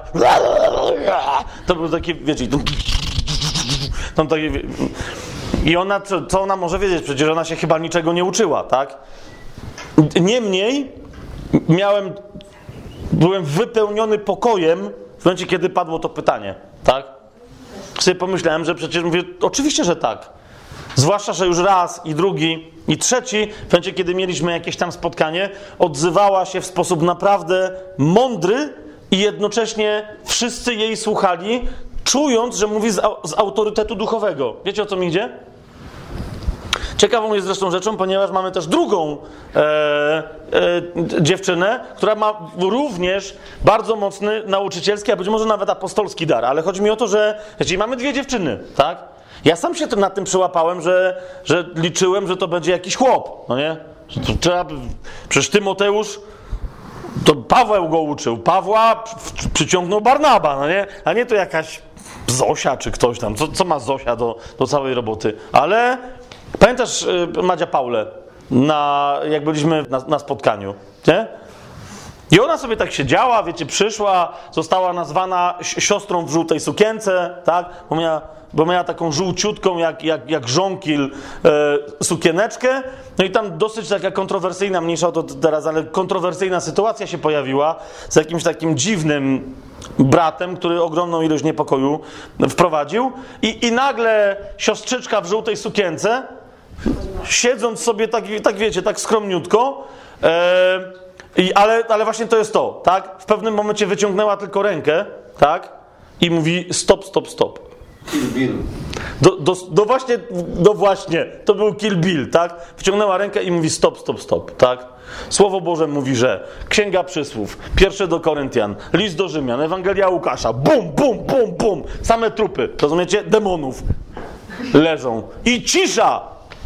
Włącznie z tym chłopem, co w las i tam robił cały raban, tak? Ten też cisza i on jeszcze mówi, ale ja bym chciał do... I, ona znowu, a jeszcze zapomniałam, że ty nie mów tak, a ty nie mów tak, bo to jest niezgodne ze Słowem Bożym. A, a, a tam jakieś zapowiedzenie, jeszcze raz powtarzam. I jeszcze jeden cytat, drugi cytat, trzeci cytat, tak? Siedziałem sobie tak z boku i mówię, no wreszcie ktoś mnie odciążył, no nie? Fajnie. Nauczała w potężnym autorytecie i z namaszczeniem duchowym. Która z was, dziewczyny, bo teraz pewnie mężczyźni, ale, ale to, to jest to, bo jak mówię na przykład o, naucz, o nauczaniu, kobiety prawie w ogóle nie myślą o nauczaniu. Dlaczego? Może i myślą o nauczaniu, ale no, bądźmy szczerzy. Jak wiele kobiet przemyca to, że nauczają w kościele pod pozorem, że coś tam. Ja tylko złożę świadectwo, chciałabym coś dodać. E, Tak się ostatnio zastanawiałam, ja nie wiem, nie jestem pewna, ale y, poddaję to pod osąd. Rozumiecie o co mi chodzi? Chcący niespecjalnie. No, no, no nie wiedziałem, to tak się w Lublinie gada, chcący niespecjalnie, okej. W Nowej Hucie się mówi, jakby tu rzec prawdę, żeby wam nie skłamać. Dobrze, otwórzmy sobie jeszcze raz z powrotem ten drugi do, do Tymoteusza i y, spójrzmy, co tam się dzieje dalej. Drugi do Tymoteusza, drugi rozdział, drugi werset. Co słyszałeś ode mnie? I tu jest kolejna rzecz. Nawet jeżeli e, istnieje jakaś szczególna relacja pomiędzy nauczycielem e, i tym, który się uczy, nauczycielem w sensie nauczycielem w ramach jakiejś służby w kościele. A więc tym, e, który ma więcej doświadczenia i tym, który ma mniej doświadczenia, ale czuje, że Pan go w danej służbie powołuje. To tego typu e, budowanie służby powinno się dokonywać w obecności świadków którzy może nie mają jeszcze pewności, co, co się dzieje, ale przyjmują to, co się dzieje, jako pomoc w swoim rozeznaniu. Tak? Co słyszałeś ode mnie w obecności wielu świadków. To jest kolejna rzecz. Jeżeli macie gdzieś jakąś dobrą relację, jeżeli macie gdzieś coś wartościowego, tak? Zamieńcie to niekoniecznie w służbę publiczną, ale zamieńcie to w posługę otwartą dla waszego kościoła. Tak? My w momencie, kiedy nie mogliśmy, nie mieliśmy sali i nie mogliśmy robić spotkań otwartych tajemnego planu, ponieważ na początku tak rzeczywiście było, za każdym razem wszakże robiliśmy wszystko, żeby to nie było spotkanie e, Madzi, mnie i ludzi, którzy to nagrywają, co do których zawsze mam pewność, e, że będą jeszcze jakiegoś jednego małżeństwa, tak? Nie, nie ogłaszaliśmy tego na Facebooku ani nigdzie, że y, tu i tu jest spotkanie, ale wszyscy ludzie od nas z kościoła, a ten wiecie, a, a, a ta grupa powoli rosła ta, i, i dalej rośnie. Wszyscy ludzie od nas z kościoła wiedzieli, u kogo w domu, kiedy będzie nagrywany kolejny odcinek, po to, e, żeby mogli się tam pojawić. Czasem nawet, wiecie, bo jak, wiecie, jak jest w domu takie spotkanie, tu jeszcze idzie nagranie, ja gadam non-stop 4 godziny, no to wiecie, ludzie, bywa tak, że na przykład Macia czasem tam się sfrustrowała, tak, bo ktoś już tam nie wytrzymał, poszedł do toalety, komuś dzwoni telefon, ktoś poszedł do kuchni, chce coś zjeść, tak, e, Madzia się zastanawiała, czy moją, mojej kolacji już nie zjedli, tak, czy, czy jak się skończy nagranie, to czy ja jeszcze co będę miał tam do przekończenia? I te, no wiecie o co mi idzie, tak, więc czasem nawet, nie, nie, no rzadko, ale jednak bywała taka pokusa, że a może by to jakoś jednak zamknąć, nie? Te, te, nigdy nie rozważaliśmy tego na serio, ale wiecie, przychodziła taka pokusa, że a, zróbmy mniejszą, bardziej hermetyczną grupę i to będzie sprawniejsze. Ale za każdym razem doświadczaliśmy wielkiego błogosławieństwa, ponieważ niektórzy ludzie, wiecie, przez pół roku na przykład, jedna ekipa rok cały, tak? Nie, nie odzywali się za bardzo, jakby niewiele, wiecie, nie, nie wiadomo było, co tam się dzieje, a teraz zaczynają rosnąć na naprawdę jedno małżeństwo bo mocnych bardzo liderów e, tamtej krakowskiej społeczności, tak? Którzy jeszcze będą mieli, wierzę, wiele do zaoferowania temu kościołowi. I również wierzę, że jak już będą mieli tak wiele do zaoferowania, a ten kościół się nie przebudzi i, nie, i wokół nich nie będą chcieli rosnąć kolejni, kolejni liderzy, to Pan ich weźmie i pośle w ogóle gdzie indziej. Tak? A zatem, co słyszałeś ode mnie wobec wielu świadków, i tu jest kolejna rzecz, to przekaż ludziom godnym zaufania, którzy będą zdolni i innych dalej nauczać. Cały czas, jeżeli już wiesz, jakie jest Twoje powołanie w kościele, jaka jest Twoja służba, jakie jest Twoje posłannictwo, jeżeli już to wiesz, szukaj ludzi godnych zaufania. I teraz chodzi mi o to, że niektórzy mówią, że nie, wszyscy są równi przed Panem i wszyscy, Słowo Boże mówi wyraźnie, że dostaliśmy różne miary daru Chrystusowego. Tak? I każdy według miary daru, wiary, którą otrzymał, daru mocy, którą otrzymał, ma postępować. Twoim zadaniem nie jest oceniać ludzi, kto jest lepszy, a kto jest gorszy, kto jest bardziej inteligentny, kto mniej. Ale Twoim zadaniem jest chodzić w duchu i duchowo rozeznawać obdarowanie innych osób. Ktoś może w, z Twojego punktu widzenia nie być wart poświęcania mu nie wiadomo ile uwagi i czasu. Dlaczego? Nie dlatego, że ty oceniasz, że on się w ogóle do niczego nie nadaje. Ale jeżeli widzisz kogoś, ty masz obdarowanie prorocze, masz doświadczenie w prorokowaniu i, i widzisz kogoś, kto po prostu się do tego nie nadaje, że jest ewidentnie, nie wiem, pasterzem, załóżmy, tak? To się nie wdawaj dalej yy, yy, ze względu na inne okoliczności w obdarowywanie go zaufaniem i poświęcanie mu energii, która mu się nie należy. Pamiętajcie, o czym Paweł do Koryntian pisał. To jest zasada, którą powinni. Ja parokrotnie nawet pomyślałem, że powinien pół domu sobie opisać tym fragmentem, aż wreszcie zaczęło to do mnie docierać. Pamiętajcie, że od momentu, kiedy poznaliśmy Chrystusa i staliśmy się Jego uczniami, nikogo od tej pory nie znamy już według ciała. A, a, a my cały czas funkcjonujemy jednak w pewnych okolicznościach według ciała. Jestem, ja jestem zachwycony, jestem szczęśliwy i dziękuję Panu, że w ostatnim czasie y, cokolwiek nie robimy, robimy razem, razem z moją żoną. Tak? Robimy to razem i Pan nas naprawdę razem do wielu rzeczy posyła. Ale też w pewnym momencie Pan, yy, yy, właśnie jak rozważałem, że nie znamy nikogo według ciała, Pan mi dał ostrą nauczkę. Znaczy, nie, ona nie była jakaś bardzo nieprzyjemna, tak? Ale była ostra. I to była genialna historia. W pewnym momencie, e, bo do nas cały czas sporo ludzi się zgłasza, żeby, im, e, e, żeby się z nimi pomodlić, chcieliby Ewangelię jeszcze posłyszeć, nie wiedzą o co chodzi, żeby się ochrzcić, tak? I w pewnym momencie Pan mi powiedział, ty nie masz chrzcić. Z różnych powodów, nie będę teraz się wynurzał, tak? Ale Pan mi powiedział, dosyć. Niech to robią inni.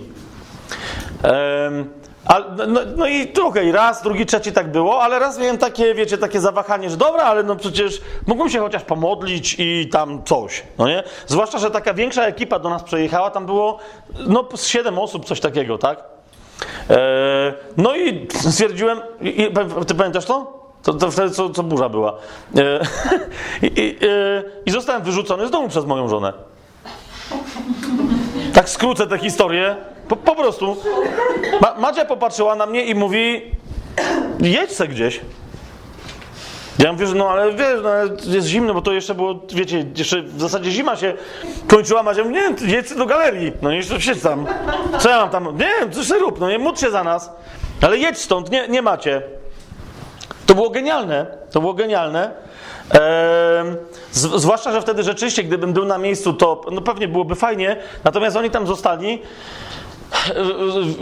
Nie znacie Krakowa, ale to jest tak. E, Pojechałem z Woli Justowskiej do Galerii Bronowice, która się znajduje nieco wyżej, e, może nie nieco wyżej, e, ale poszedłem tam do tak zwanej czytelni, czy jak się to nazywa? Czytelnia. Do, do czytelni, skąd nawet nie wiedziałem, że mam widok, bo już było ciemno, tak? To była noc. To była zima, więc to była taka szybko zapadająca ta noc. Nie wiedziałem, że mam widok stamtąd, akurat tak sobie siadłem, że miałem widok w stronę dosłownie naszego domu, tak? No i tam rzeczywiście wziąłem sobie jakąś książkę, siadłem sobie, otwieram, czytam. Coś mi błysnęło. Yy, więc pomyślałem sobie, jak to często w Krakowie się zdarza, że pewnie tramwaj przejechał i tam coś czasnęło i, i błysnęło, wiecie, tak jak, jak, tak jak piorun, tak? Ale wtedy sobie uświadomiłem, że ale zaraz, jaki tramwaj przejechał, jak tu nie jeżdżą tramwaje, to są Bronowice, tak? Yy, Znaczy Galeria Bronowice, tam jeździ tylko autobus i nie ma trolejbusów, tak? No więc tak spojrzałem, mówię, ojej, co tu tak błysnęło, co to tak się, zwłaszcza, że się tam jeszcze raz tak jakoś błysnęło, tak? Wiecie, no jak jest zima, to nie ma burzy, więc się nie spodziewałem.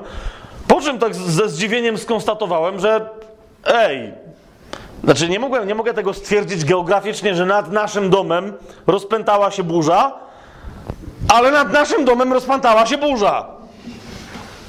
Tak? Wtedy sobie pomyślałem, okej, czyli miałem dobre przekonanie, że powinienem zostać. A Oni tam, tam się coś dzieje, jakieś demony wyrzucają. Idę do auta i wracam. Ale wtedy mi się przypomniało, że no nie.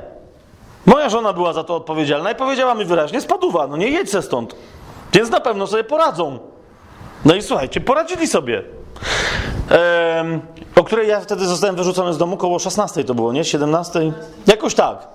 Więc uznałem, że jak jest 20.30 czy coś takiego to było, że to już chyba mogę, zwłaszcza, że oni tam powoli tą galerię zaczynali, wiecie, zamykać, no nie? Uznałem, że no to chyba mogę wrócić.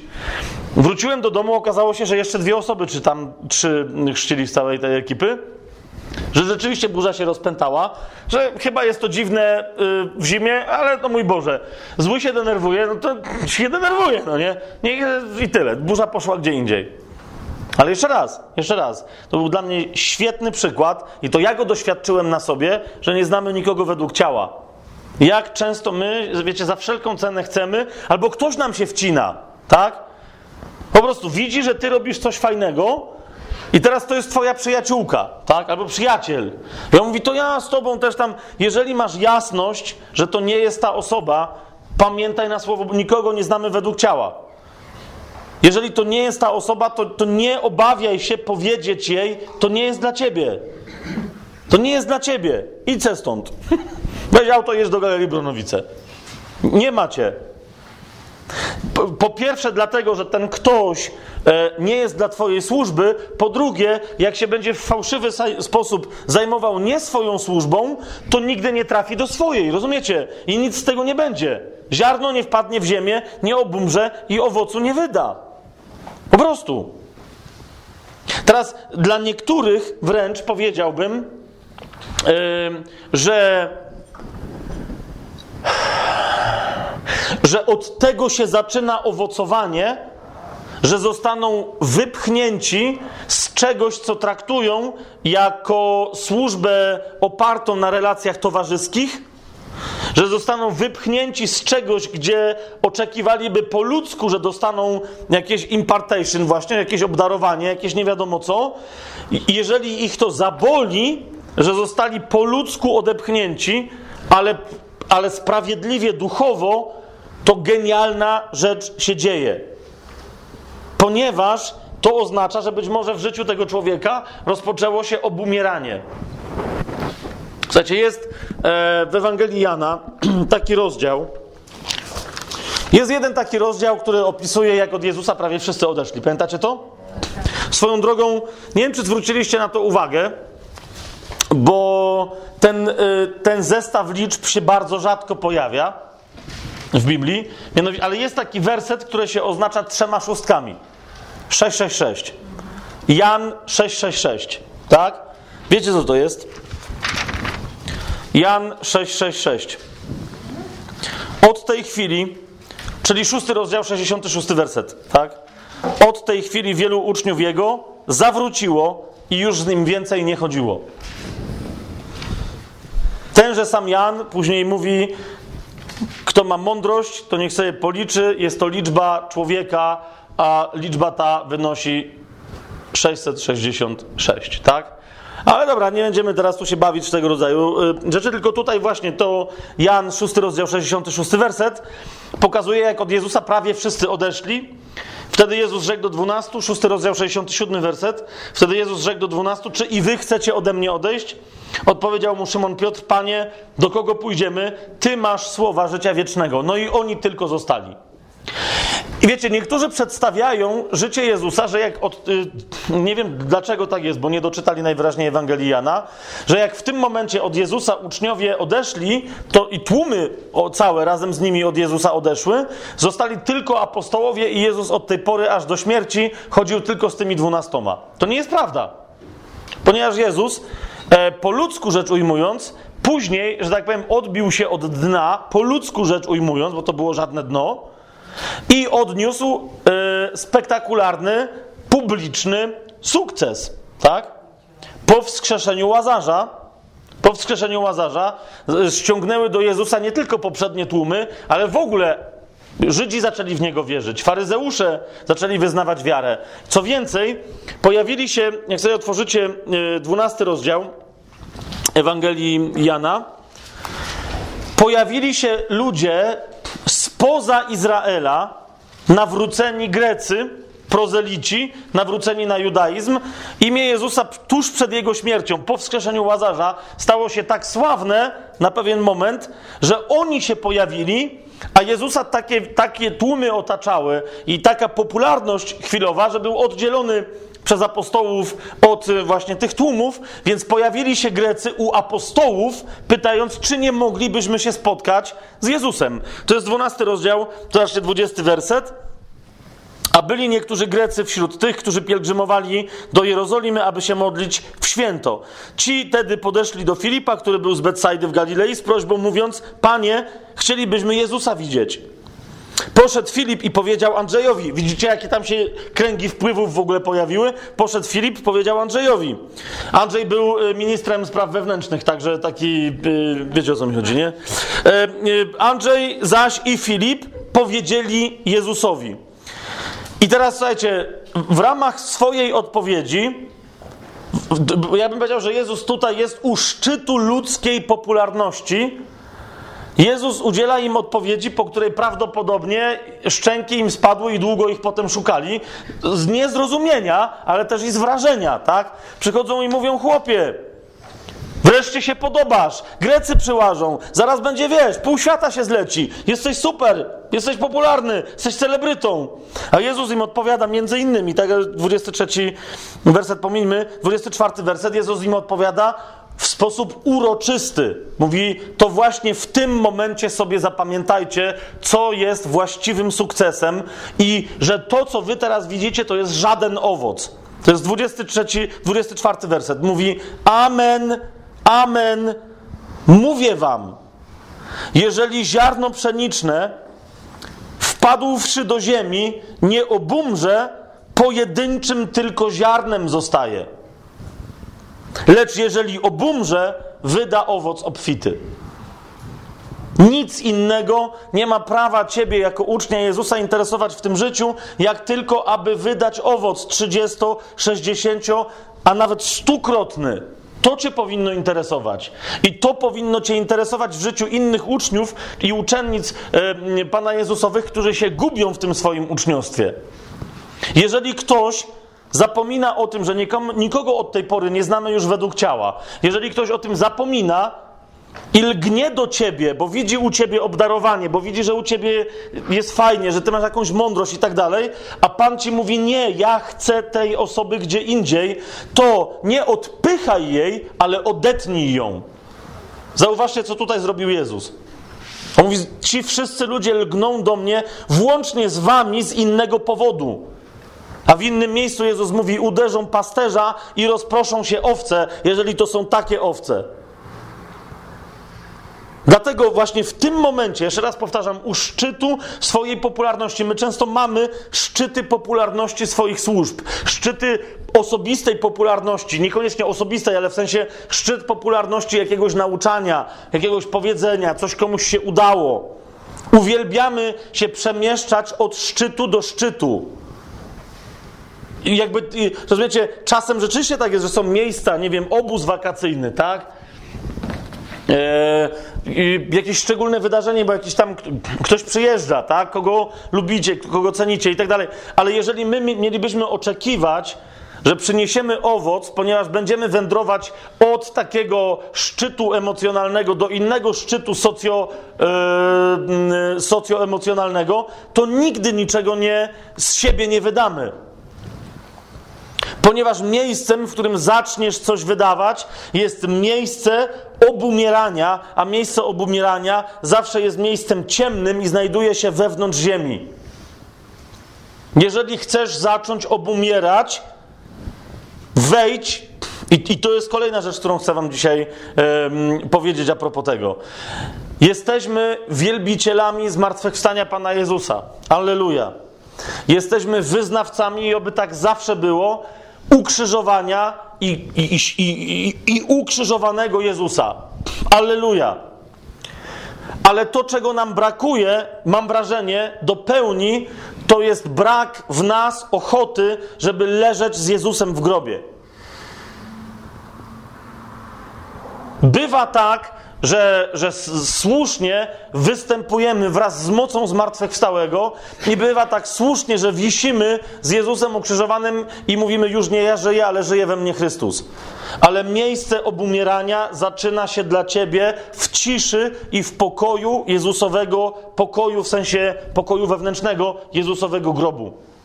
Tam nie jest ani zimno, ani ciepło. Tam jest ciemno, tam jest wilgoć, tam jest skończone dramatyczne dzieło krzyża, tam jest oczekiwanie na chwałę zmartwychwstania. Tam ty, twoje serce powinno przebywać pomiędzy mocą, którą posługujesz w swoim życiu ukrzyżowania, a pomiędzy mocą zmartwychwstania. Niektórzy yy, mnie pytają, jak najlepiej powinna wyglądać ich e, komora, gdzie, gdzie mam się modlić. Czy jak inni lubią bardziej te tłumaczenia o izdebce i mówią, jak ma wyglądać moja izdebka. Ostatnio się jak, jakiś czas temu pojawił e, ponoć bardzo dobry film, ja go jeszcze nie widziałem, pod tytułem War Room. E, nie wiem, czy ktoś z Was go widział. War, czyli dosłownie pokój wojenny.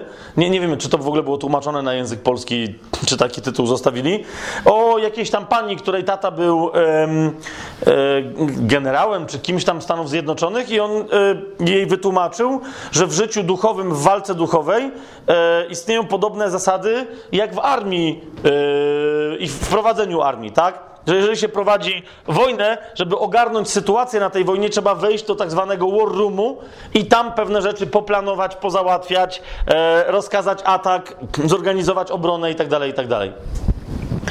I ona sobie, e, z tego co rozumiem, bo nie, jeszcze raz mówię, nie widziałem tego filmu, tylko już słyszałem mnóstwo opowieści, z jakiejś garderoby czy z czegoś takiego przygotowała mały pokój modlitewny. Często, bo to, jak mówię, świetna rzecz, pewnie właśnie nawet te tematy, które teraz poruszamy, one tam się pojawiają, ale e, ludzie często mówiąc o tej komorze, o, o tych wszystkich historiach, e, bardzo często koncentrują się na zewnętrznym, fizycznym wymiarze, co ma być tą moją izdebką, tak? Gdzie jest moja. Gdy tymczasem y, dla mnie jest istotniejsze, ponieważ ty możesz mieć izdebkę wszędzie. Jedziesz pociągiem, tak? Siedzisz gdzieś tam na ławce, jest, nie wiem, harmider, jest jakieś wielkie publiczne wydarzenie, możesz sobie odejść na bok i, i możesz być w swojej izdebce wobec setek ludzi, którzy obok ciebie przechodzą, nawet cię nie zauważą, tak? Znacznie istotniejsze jest wejść w milczenie grobu Jezusowego. Tak? Wiecie, tam leży co prawda w tym sensie martwe ciało Pana Jezusa, ale my wiemy, że ono cały czas jest złączone z chwałą e, Chrystusa, który właśnie zwycięża w piekłach. Tak? który właśnie zstąpił do piekieł i, i właśnie w tym momencie zażądał kluczy od, od, od diabła, tak? Właśnie w tym momencie powiedział mu: Ja teraz przejmuję te klucze. Ja jestem właścicielem kluczy piekielnych. Oddawaj to, szmaciarzu. Wypuszczaj teraz tych, tych, tych, tych i tych. Ok? I, I wszystkie diabły i wszystkie demony po, naj, po najdalszych zakątkach piekła uciekały, a Jezus się tam pojawiał i dawał po mordzie. I mówił: Koniec, rządzę wszędzie na niebie, rządzę na ziemi i rządzę pod ziemią. Nie ma takiego miejsca, gdzie kto inny rządzi. Wszelkie kolano musi się zgiąć na dźwięk mojego imienia i każdy język musi wyznać, nawet wasz, bandziory, że tylko ja jestem Panem. Nawet jeżeli się z tym nie zgadzacie. Musicie. I oni tam to zrobili. To jest Twoja izdebka. To jest to, czego potrzebujesz.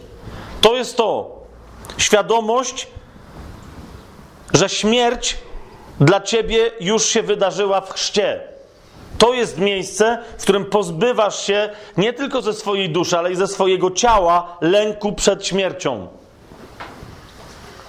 Potrzebujemy modlitwy uwielbienia w swoim życiu, to jest prawda. Nawet jeżeli nie ma dookoła nas dwóch czy trzech innych osób, potrzebujemy modlitwy uwielbienia. Stoję sam i się wydzieram w pokoju.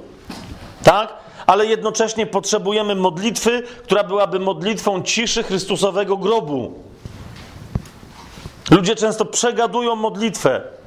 Jak słyszę nawet w najbardziej ewangelicznych czasem tych kościołów w szkółkach niedzielnych, e, definicja modlitwy, jaką się sprzedaje dzieciom, brzmi, że modlitwa to jest co?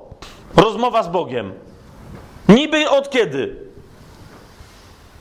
I teraz jak rozmowa, no to w takim razie dziecko wchodzi i zaczyna gadać. Katolickie dziecko mówi Ojcze nasz, zdrowaś Mario, wierzę w Boga. Charyzmatyczne dziecko mówi Aleluja, chwała Panu, Jezus, Jezus, Jezus, Jezus. Ale chodzi mi o to, że jedno dziecko gada i drugie dziecko gada i żadne dziecko nie słucha. Tymczasem modlitwa nie zawsze musi być rozmową z Panem, ale zawsze modlitwa musi być osobistym spotkaniem z Panem. Takim spotkaniem, w ramach którego Twoje serce dotyka się Jego serca. Jest to jasne, co mówię? Więc to jest kolejna rzecz. Ile masz modlitwy tego rodzaju w swoim życiu?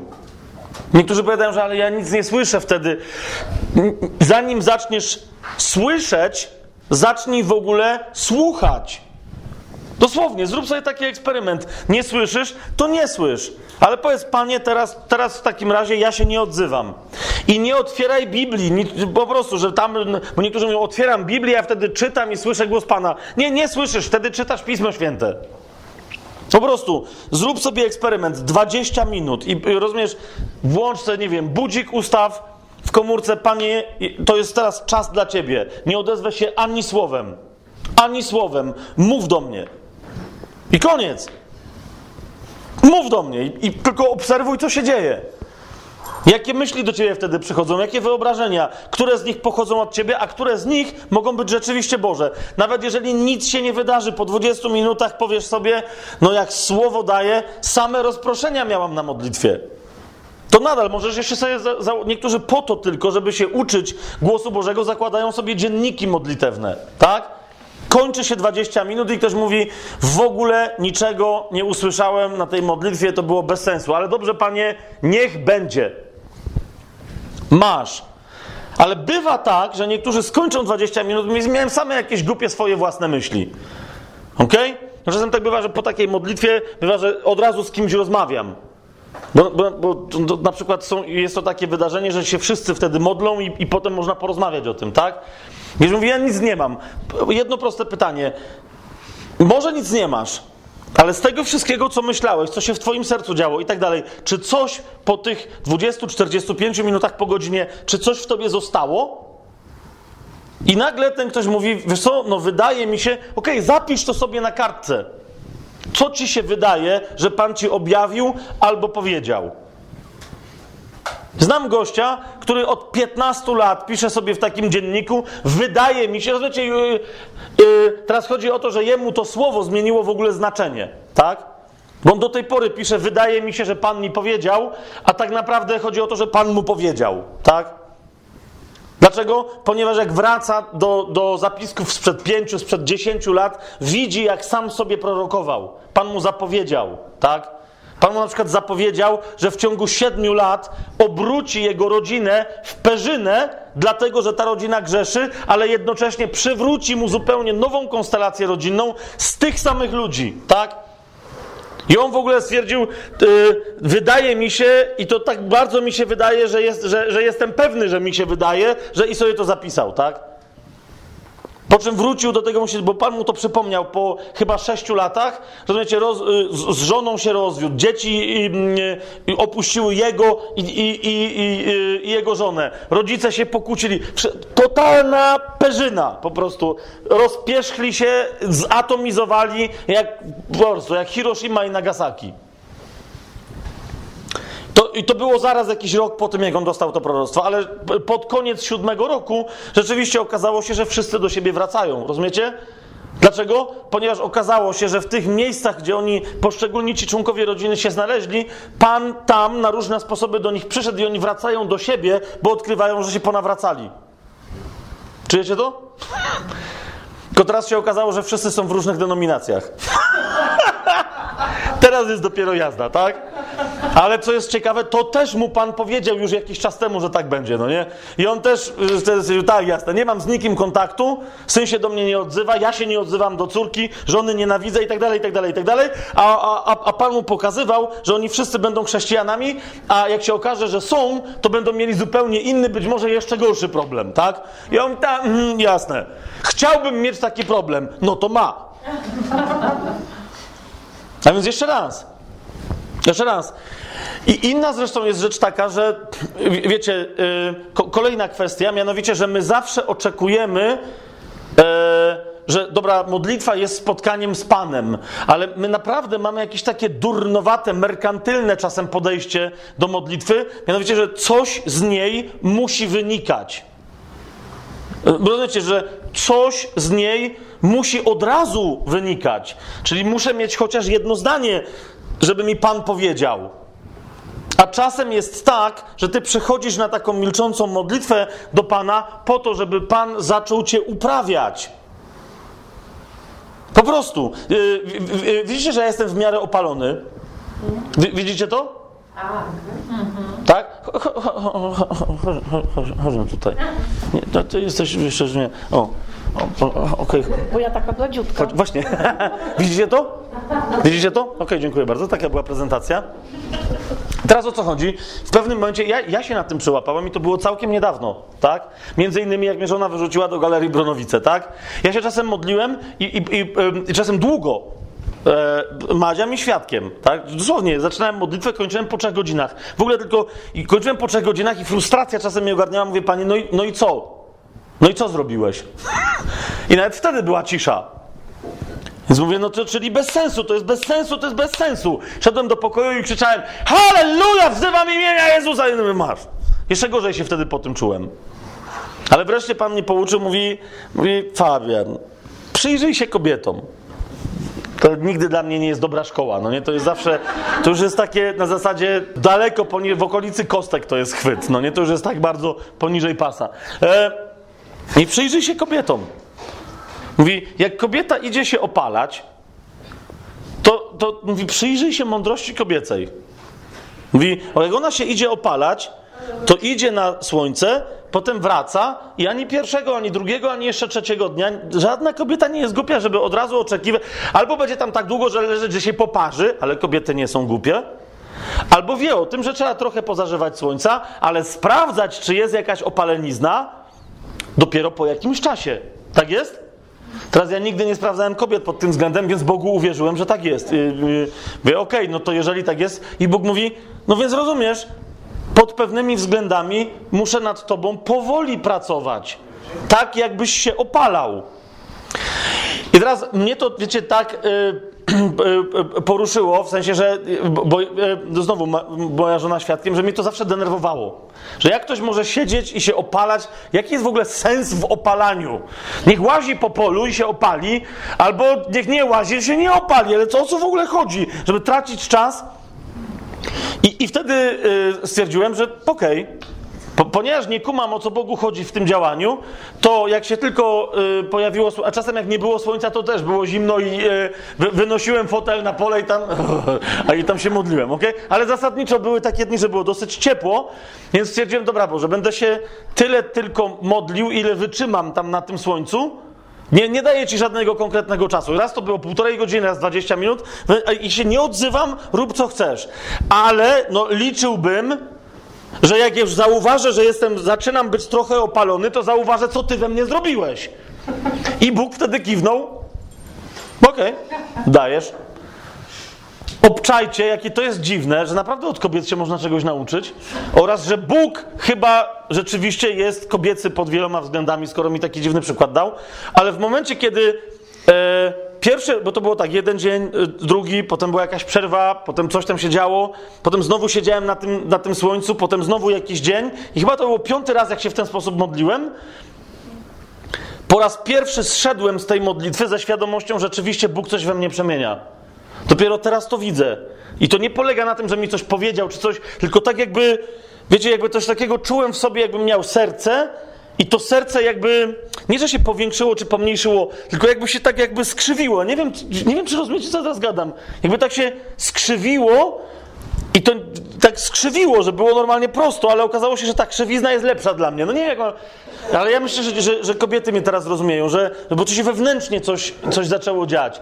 I w momencie, kiedy ja to poczułem, wie, że ej, rzeczywiście, Boże, Ty mi coś robisz takiego, i, i, ja, jest to zagadanie całe moje na modlitwie, ja Ci pewnie nigdy na to nie pozwoliłem. I Madzia w tym momencie zobaczyła mnie i mówi, hej, Ty się w ogóle opaliłeś. Do, rozumiecie, dokładnie jak zaczęło być widać, że się, że się opaliłem na tym słońcu, ja zauważyłem, że do, dokładnie to był ten moment, że, że Bóg coś we mnie robi. Więc jeszcze raz. E, czasem po prostu.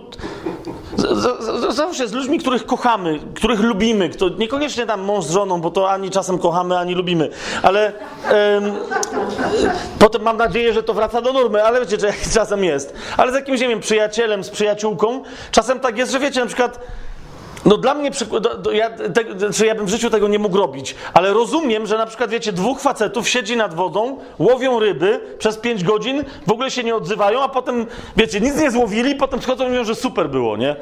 I zawsze mi się to wydawało takie, ale co wyście tam zrobili? No siedzieliście tam, a, dajże spokój, nie? Jakąś rybę byście chociaż przynieśli.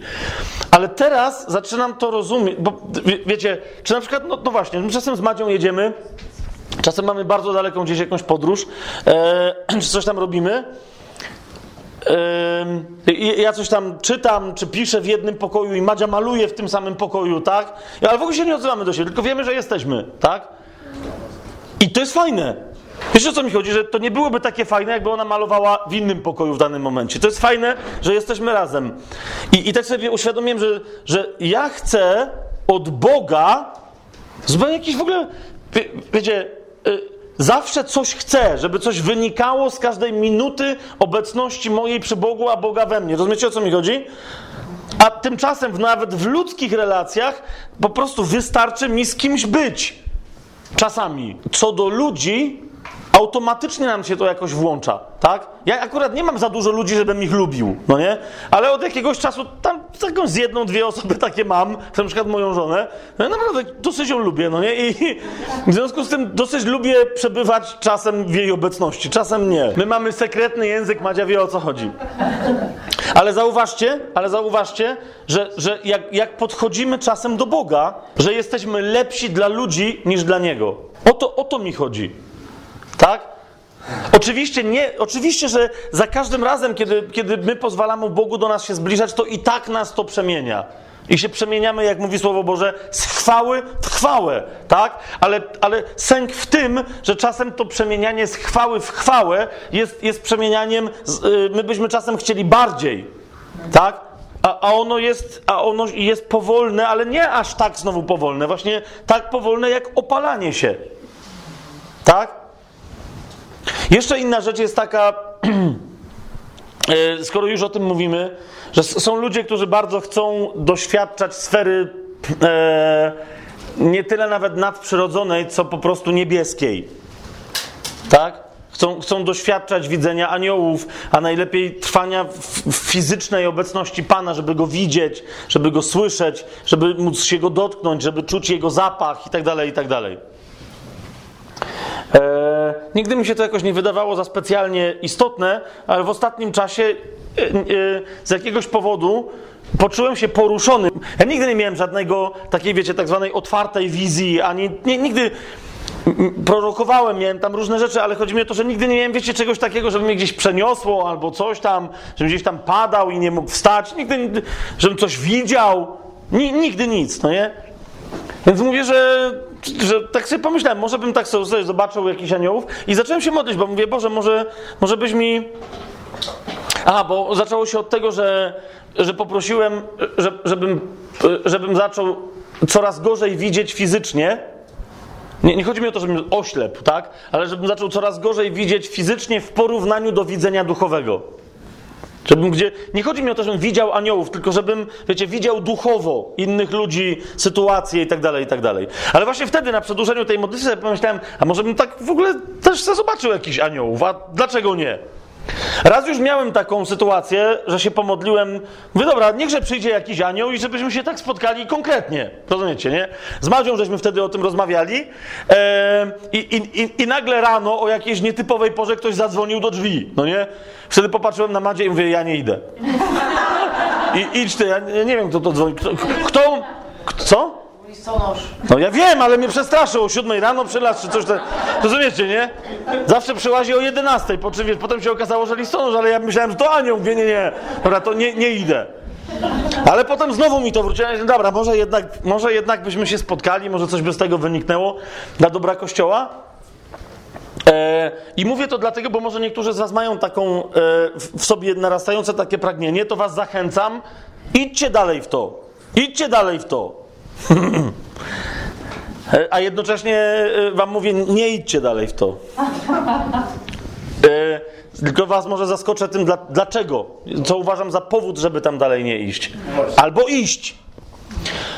Otóż ja właśnie całkiem niedawno w ramach tej modlitwy takiej opalającej, nagle tak, e, tak siedzę na tym, tym, tym, tym fotelu, na tym słońcu, tam już ledwo żyję, bo mnie po prostu piekło, już chciałem wstać i nagle tak mówię, ej Boże, a, a jakbym na przykład teraz cię tak poprosił, żebyś teraz mi pokazał kawałek nieba. Zwłaszcza, że, aha, wiecie, bo jeszcze to był moment, że myśmy się spotykali z tymi, z tych kościołów tam azjatyckich, nie? Słuchajcie, i, a oni tam mają w ogóle odlot, tak? E, e, spotkaliśmy się, właśnie jeden pastor nam opowiadał, jak to jeden tam zaczął się modlić, bo Bóg mu powiedział, że mają wybudować kościół na ileś tam tysięcy ludzi, bo się nawróci ileś tysięcy muzułmanów, tak? I ten odpowiedział, Boże, no fajnie, bo ja ledwo żyję, a mam wybudować kościół, tak? Więc mówi, to jakbyś nas mógł wesprzeć i paręnaście osób dostało w łeb kamieniami drogocennymi, które jak sprzedali, to w ciągu trzech miesięcy wybudowali ten kościół. Ale dosłownie, i to jeszcze tak wiecie, tak z boku, nie z góry, no nie? Bo wszyscy mówią, że ten pastor, on uważa, że niebo jest z prawej strony. Ponieważ te kamienie leciały z prawej. I oni się modlili i nagle bum, bum, bum. I wszyscy w lewo, co jest w ogóle, kto rzuca, nie? A tam rozumiecie, jakieś... Pamiętasz, on tam mówił, jakie, co to były za kamienie? Jubiler jak to zobaczył, to od razu mówi, okej, okay, nie wiem, czy na to jest rynek, skąd to jest kradzione, rozumiecie? Nie, mówi, nie widziałem czegoś takiego. E, no więc ja te właśnie po, jeszcze pod wpływem tych rozmów mówiłem, to może mi byś tak kawałek, e, tak trzymając się tu za głowę, no nie wiem, może mi byś tak, tak kawałek po, pokazał jakiegoś nieba, czy, czy coś. I Bóg mi wtedy odpowiedział, dość wyraźnie, czego się nie spodziewałem, bo te modlitwy były takie niewyraźne. A to było naprawdę dość wyraźne. Bóg mi odpowiedział, e, mówi, jeżeli chcesz, to, do, to teraz to zrobię. To teraz to dla ciebie zrobię. Ale jesteś pewny, że będziesz chciał wrócić? I ja z początku, tak, wiecie, tego nie zrozumiałem, w sensie takim, że, że co, że mogę zobaczyć i chcieć tam zostać i umrę, to halleluja, no nie? E, ale, ale potem doszło do mnie takie, wiecie, bardzo delikatne, taki szmerek zrozumienia, że ja będę musiał wrócić, że to nie jest dzień, kiedy ja mam umrzeć. I teraz jest pytanie, czy jak dotknę tej rzeczywistości, to czy jestem odpowiednio dojrzały, wiecie, żeby wrócić tu i z tym samym zapałem, czy jeszcze większym pracować, czy mi się czasem nie odechce, wiecie, bo się rozmarzę i będę myślił e, e, przywiązany do tego tam. Nie, nie, nie wiem, czy rozumiecie, co, co, co mówię, tak? I dlatego jeszcze raz zachęcam Was do tego doświadczenia, ponieważ czuję, yy, że my tego w ogóle dzisiaj w kościele mocno potrzebujemy. Zaraz jeszcze powiem Wam dlaczego, tak? B- bardzo mocno tego potrzebujemy. Tylko być może, zanim poprosimy o takie doświadczenie, powinniśmy poprosić o nadzwyczajną dojrzałość, która pozwoli nam to przetrwać, tak żebyśmy z nieba z powrotem na tę ziemię, e, z widzenia pełnego sfery duchowej do normalnego widzenia, mogli wrócić ze zdwojoną energią do pracy, a, a, a nie z dwa razy mniejszą energią do pracy. Wiecie o co mi chodzi? Bo, bo odnoszę takie wrażenie, są ludzie, wiecie, e, właśnie się zastanawiałem, nawiasem mówiąc, to u was się chyba ta rozmowa y, zaczęła ostatnim razem. Ja potem się zastanawiam, bo parę osób do mnie przychodziło, mówią, że znają osoby, co do których, no, nie mają raczej wątpliwości, że widziały aniołów, że spotkały się z Panem, że były przeniesione gdzieś, i jakby, wiecie, że i, i, to, co one opowiadają, to jest poruszające i to jest prawda, ale następnie widzą, że te osoby są jakby takie rozlazłe. Nie wiem, jak to nazwać, że jakby coś się stało z nimi, że, że nie, nie, że na różne sposoby, że się tak jakby rozlały, no nie, że tak, wiecie, że, że właśnie są zapatrzone w to, co się stało, i już im się nawet jakby nie chce znowu tam iść, czy coś, nic z tego nie wynika, tylko jakby cały czas, albo właśnie czekają na kolejne nadzwyczajne wydarzenia, a w zwyczajnych nie są rzetelni. Rozumiecie? Ja się zastanawiam, cały czas zastanawiałem, to, no to może to jest zły owoc, czyli może to doświadczenie było fałszywe, ale w tym momencie sam miałem, wiecie, takie ostrzeżenie, tak? Że nie, nie, nie. Doświadczenie może być autentyczne, tylko zrozum, że możesz nie być odpowiednio dojrzały czy dojrzała do tego doświadczenia, tak? Ponieważ jest ten temat w kościele, to ja go poruszam, ale pamiętajcie, Paweł o swoim przeniesieniu y, do nieba y, powiedział wyraźnie, że 14 lat trzymał to w tajemnicy i dopiero po 14 latach to ujawnił, tak? Dopóki tego tematu w kościele tam nie było, to, ale on wtedy to, to opowiedział. Ja też słuchając ostatnio Reinharda w Legnicy, on tam nie, nie, ktoś z was wtedy tam, ty byłaś, nie, nie? E, pamiętasz, jak on opowiadał o tym, że, że tylko chwilę dotknie tego tematu, ale potem mówi, bo, bo, bo, bo uważa, że za dużo jest niedojrzałych ludzi na sali. Ale w każdym razie opowiedział o tym, jak, jak się modli, że jak ma czasem 2-3 dni, to się zamyka, bierze sobie, wiecie, kartę. Wybaczcie mi, no ale to jest po prostu facet, więc jest konkretny, tak? Bierze sobie karton do sikania, żeby nie wychodzić z, z, ze swojego gabinetu, bierze sobie wodę do picia, no i zostaje tam w tym, w tym gabinecie dzień, dwa czy trzy i się modli, tak? I mówi, że, że no często bywa tak, że po tej modlitwie yy, musi odkurzać, ponieważ ma całą podłogę zasypaną złotem. D dosłownie, tak? Teraz najlepsze jest to, że tam niektórzy na sali, to słychać było tą niedojrzałość, aż jęknęli, tak? Bo, no bo on mówi, że kiedyś właśnie y, y, żona go szukała i weszła do tego gabinetu, a on se zapomniał odkurzyć. On ją wpuścił tam, bo miała tam... A tak, tak, no w, no, no w, w każdym razie, ale ona weszła i mówiła, o co to jest? A tam mówi, że po prostu cała warstwa złota dosłownie. I, i on mówi, że no... Że on nie odkurzył tego jeszcze. A tam ktoś, na, na, sali parę osób takie było, wiesz, takie, o, takie, czy to odkurzasz w sensie i potem co... A wynikało z tego, co Reinhardt mówi, że on to potem wywala. No nie, nie, nie, nie idzie do, wiecie, do złotnika, żeby to przetopić, tylko po prostu, no po co mu to? No nie, leci to leci, przecież ja tego nie ściągam, czy nie wiem. I też ja tak wtedy tego słuchałem, mówię, dobra, Reinhardt, okej, okay. ale dopiero właśnie, wiecie, niedawno zrozumiałem tą jego uwagę o dojrzałości, tak?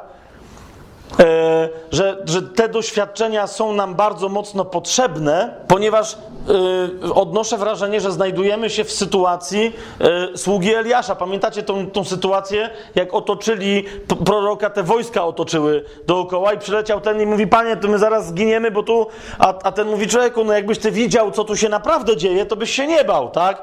Ten mówi, no ale to widzę.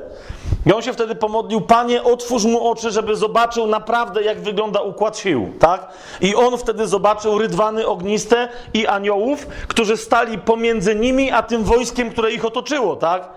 I chłopak natychmiast się odprężył i mówi, a okej, okay, to ja nie wiedziałem, że tu, a nie, to spoko, to rzeczywiście, to żyjemy.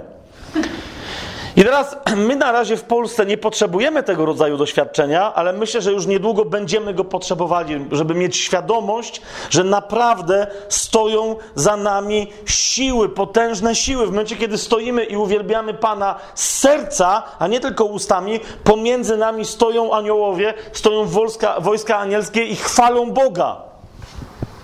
Tak? Ten jeden człowiek, który te, te, te Ewangelię przemycał do, Biblię całe przemycał do Chin, mówi, że jak został tam w Chinach, bo Pan mu powiedział, żeby został, e, i jak zobaczył, co się tam w ogóle dzieje, e, no, mówi do chłopaków, mówi, e, słuchajcie, ale jak, jak wy to w ogóle, w sensie, co się dzieje? Wiecie, że e, człowiek, który go prowadził do wioski, e, po drodze ktoś wyszedł i mówi, ty posłuchaj, bo mama zachorowała, tak? I on nawet nie wszedł do tego domu, ten człowiek, który go prowadził, tylko mówi, no to w imieniu Jezusa Chrystusa niech wstanie, tak? I zanim uszli jeszcze do następnego domu, ona wyszła i im pomachała, mówi, dzięki, nie? Ja mówię, oni szli dalej. Po drodze coś tam było, ten dostał proroctwa dla kogoś, ktoś przylas. Rozumiecie, zanim doszli do tej wsi, no to ten y, Richard mówi, że no to jeszcze tylko wskrzeszenia po drodze nie było, tak? Więc ten się go zapytał, mówi, słuchaj, ale mówi, ty, ty jesteś jakimś takim wybitnym gościem, mówi, ale jak, że co? Mówi, no bo mówi, ja mówię, nie, tu wszyscy tak mają, w sensie, że wszyscy robią cuda, tak jak ty? A, a gość go zapytał, mówi, ale jakie cuda? No mówi, no te. A mówi, a, te zwyczajne. Mówi, nie, no to tak. A Richard na, następny jak to zwyczajne? To mówi, to są jeszcze jakieś nadzwyczajne? I mówi, no oczywiście, że tak. No mówi, to, to, takie to nie są. Mówi, to przecież ci Słowo Boże mówi, tak, że tym, którzy uwierzą, takie znaki towarzyszyć będą, tak? Ale są też nadzwyczajne historie. Mówi, czekaj, czekaj, czekaj, czekaj. Mówi, to, to jak wy to robicie? Mówi, to co ja jestem chrześcijaninem i ja nie mam z Singapuru, tak? Ja nie mam tego samego, co, co wy macie, co, co się tutaj dzieje, nie?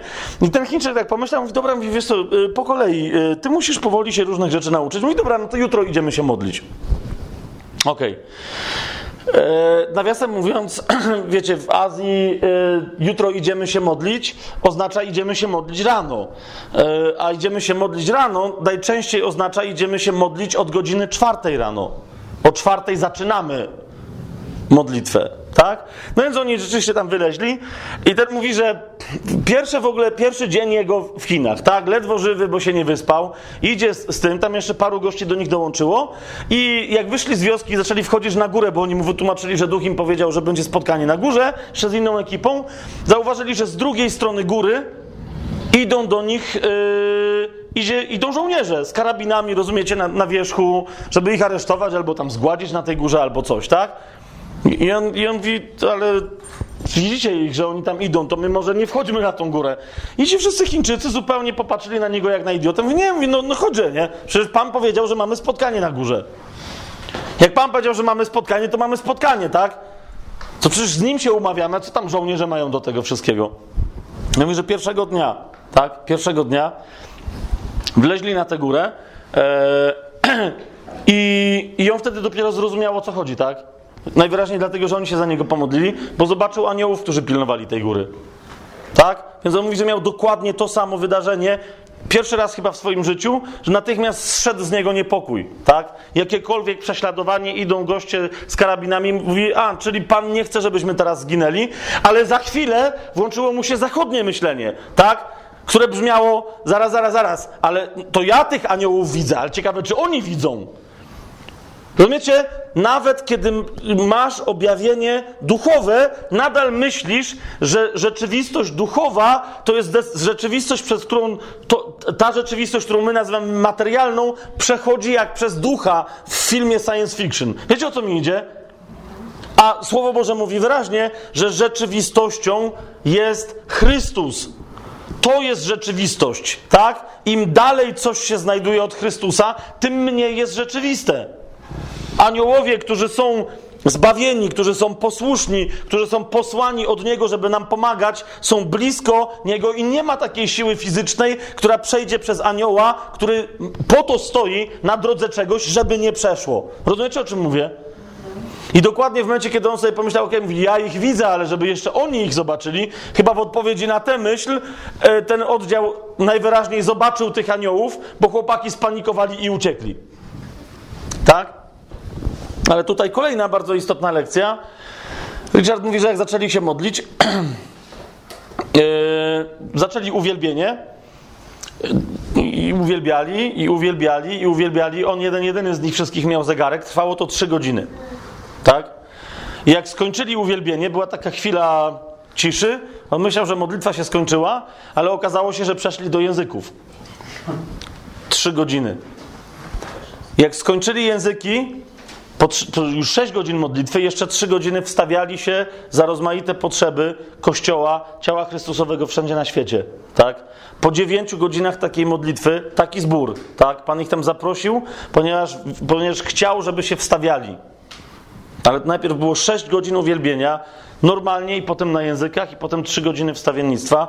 A on mówi, że jak te 9 godzin się skończyło, jeden z tych Chińczyków odwrócił się do niego i mówi: A, mówi, może ty jeszcze masz jakąś potrzebę? A Richard mówi: Mam potrzebę, żebyście już skończyli. 9 godzin. Tak? Teraz, teraz niektórzy mi mówią, jak przyjdzie do Polski, albo jak przyjdzie do Europy taki ucisk, jaki Kościół ma w Chinach, to wtedy otworzymy się na modlitwę, to wtedy się zjednoczymy, to, to, to wtedy Pan nam da doświadczać tego rodzaju rzeczy. Nie, to nie jest prawda. Kościół w Chinach nie dlatego jest zjednoczony, nie dlatego doświadcza tych wszystkich znaków, nie, nie, nie to przyczyną tego nie jest prześladowanie. Nie wiem, czy rozumiecie, o co mi chodzi. Zresztą, jak popatrzycie na historię Kościoła, to zobaczycie, że w wyniku prześladowania Kościół się jednoczył w rozmaitych miejscach tylko na czas prześladowania. W momencie, kiedy ucisk prześladowania zelżał, natychmiast odżywały stare spory, jakby się nic nie zmieniło. A zatem Kościół pod wpływem prześladowania robi się bardziej pokorny, ale z czym wejdzie w prześladowanie, z tym będzie trwał w tym prześladowaniu. Chyba, że pod prześladowaniem pozwoli się oczyścić. Ale są tacy, którzy potrafią wytrwać nie takie nawet prześladowanie i wyjść z drugiej strony z tym samym nieprzemienionym umysłem. A zatem, a zatem, jak żeśmy sobie dzisiaj powiedzieli o modlitwie osobistej, o modlitwie y, zboru całego, o uwielbieniu, o, o modlitwie w ciszy, y, o kościołach domowych, o służbach w kościele. Dlaczego to to wszystko chciałem Wam opowiedzieć w taki trochę dziwny, poszatkowany sposób. Wybaczcie mi, ale dlaczego tych wszystkich rzeczy chciałem poruszyć? Y, o tych wszystkich rzeczach chciałem powiedzieć, czemu chciałem je poruszyć? Ponieważ naprawdę uważam, tak jak to powiedziałem na początku naszego spotkania y, w sobotę rano, naprawdę uważam, że jesteśmy na granicy rozpoczęcia walki z Kościołem w Europie, a zatem także i w Polsce. Tak?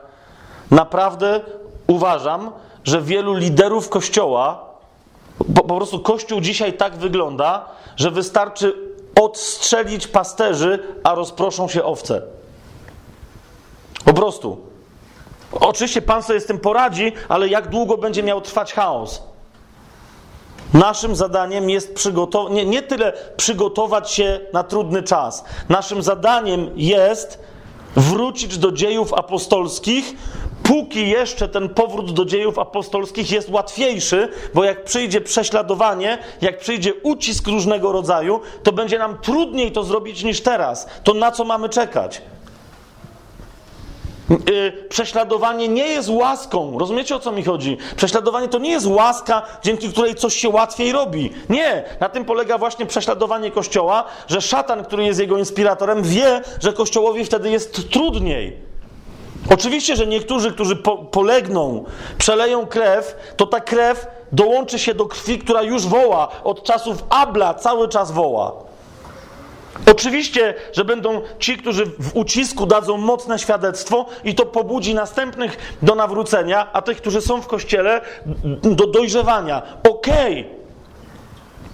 Ale nie czekajmy na to, ponieważ niestety, kiedy przyjdzie ucisk, Niektórzy tylko ten ucisk wytrwają i w tym ucisku z trudem zaczną rosnąć, ale wielu odpadnie. Pytam się, dlaczego wielu ma odpadać? Dlaczego wielu ma odpadać? Wielu odpadnie nie dlatego de facto, że przyszedł ucisk, ale wielu odpadnie dlatego, że zanim przyszedł ucisk, Kościół rozleniwiony nie robił niczego. We wzroście służb te służby nie robiły niczego do wewnątrz, a w związku z tym całe ciało Chrystusa nie robiło niczego na zewnątrz. Żyjemy w kościele, y, y, w którym wielu ludzi się boi innych ludzi, którzy są niewierzący. Na ustach mają wyznanie, większy jest ten, który jest we mnie, niż ten, który działa w świecie, ale następnie nie tylko, że bo, nie wiem, może się nie boją tego, który działa w świecie, ale się boją ludzi, którzy są w świecie. A zatem, e, kochani, nie wiem, kiedy się przyjdzie nam jeszcze raz spotkać. Mam nadzieję, że nam się w ogóle przyjdzie jeszcze raz yy, chociaż yy, spotkać. Tak, tak coś myślę, że przynajmniej raz to się jeszcze spotkamy, tak? Ale wczoraj głos proroczy mi powiedział, potwierdzając tylko rzecz, o której wiem, że że w moją stronę celownik też jest skierowany, więc dlatego mówię o tym, że nie chodzi mi o to, że wiecie, żebym teraz siebie nie wiadomo kogo robił. E, zwłaszcza, że, że w waszą stronę, e, na przykład waszego pastora celownik też jest skierowany. I teraz to, co mówię, jest, jest prorocze. Ja nie wiem tego. Nie powiem wam, że taka czy inna służba ma zapisanego. Wa ważne, i nie tylko gdy chodzi o pastora, tu są jeszcze dwie, trzy osoby, które są na celowniku, tak? Przede wszystkim mówię o celowniku piekła, tak? I to jest dobre, dlatego że jeżeli tu jest parę osób, które już są na czarnej liście piekielnej, to chwała Panu. Ponieważ są kościoły, rozumiecie, których piekło się nie boi. Są całe kościoły, gdzie jest 200-300 osób i ani jedna osoba z tego kościoła nie jest na czarnej liście diabła. Bo, bo diabeł się ich nie boi. Rozumiecie? Nikogo się tam nie boi. Jeżeli wy tu macie parę osób, których się diabeł boi, świetnie, ale niech będzie jeszcze więcej. Niech będzie jeszcze więcej. Niech od was świeci tak mocno, żeby nawet jeżeli z drugiej, jeżeli się tylko tu widzicie, żeby z drugiej strony Lublina było jeszcze dla diabła za jasną, bo się spotkaliście i uwielbiacie. Aleluja. O to mi idzie. Więc mówię, pewnie się jeszcze spotkamy. Może jak Bóg da, to się jeszcze i więcej razy spotkamy. Ale idzie mi o to, Żebyśmy nie żyli, wiecie, taką nadzieją, że jeszcze się będziemy widzieć, jeszcze coś. Tylko idzie mi o to, jeżeli się teraz mieliśmy okazję spotkać, dla mnie to była okazja, e, te trzy dni od piątku, każde spotkanie, rozmowa, yy, obecność w jednym domu, w drugim domu i tak dalej. Na, naprawdę, zawsze z tego, ja nie wiem, czy najwięcej z tych wszystkich naszych wyjazdów gdzieś nie korzystamy my. Nie? Bo, bo zawsze wracamy potem z takiego wyjazdu z czymś, zgodzisz się? ze mną z czymś zbudowani, o coś mocniejsi, o coś mądrzejsi i tak dalej, tak? Ale każde takie wydarzenie i każdy zwyczajny dzień wykorzystujcie, wyrzekając się tego, co swoje, a prosząc Pana o jeszcze więcej tego, co Jego. Niektórzy z nas do, do pewnych dzieł potrzebują dojrzewać dniami i tygodniami i miesiącami. Niektórzy do pewnych posług potrzebują dojrzewać latami. Paweł do, do, do, do, swojej posługi, jak sobie dokładnie policzycie, to, to parę ładnych lat wzrastał i, i miał parę przerw, które trwały nawet do dwóch lat, kiedy wygląda na to, że nic nie robił. Przyjrzyjcie się, jak chcecie temu, mówię, postaci Pawła, gdy chodzi o chronologię jego życia. Teraz skąd wiesz, jak długo do wielkości Twojej posługi w kościele Ty masz dojrzewać? To ile jeszcze będziesz czekać, żeby rozpocząć ten proces dojrzewania? Ile jeszcze? O to mi idzie. Jeżeli ktoś z Was coś podczas tego spotkania, e, niekoniecznie tego, tylko mówię teraz o tych dwóch dniach, tak? Coś sobie poczuł, jakąś inspirację.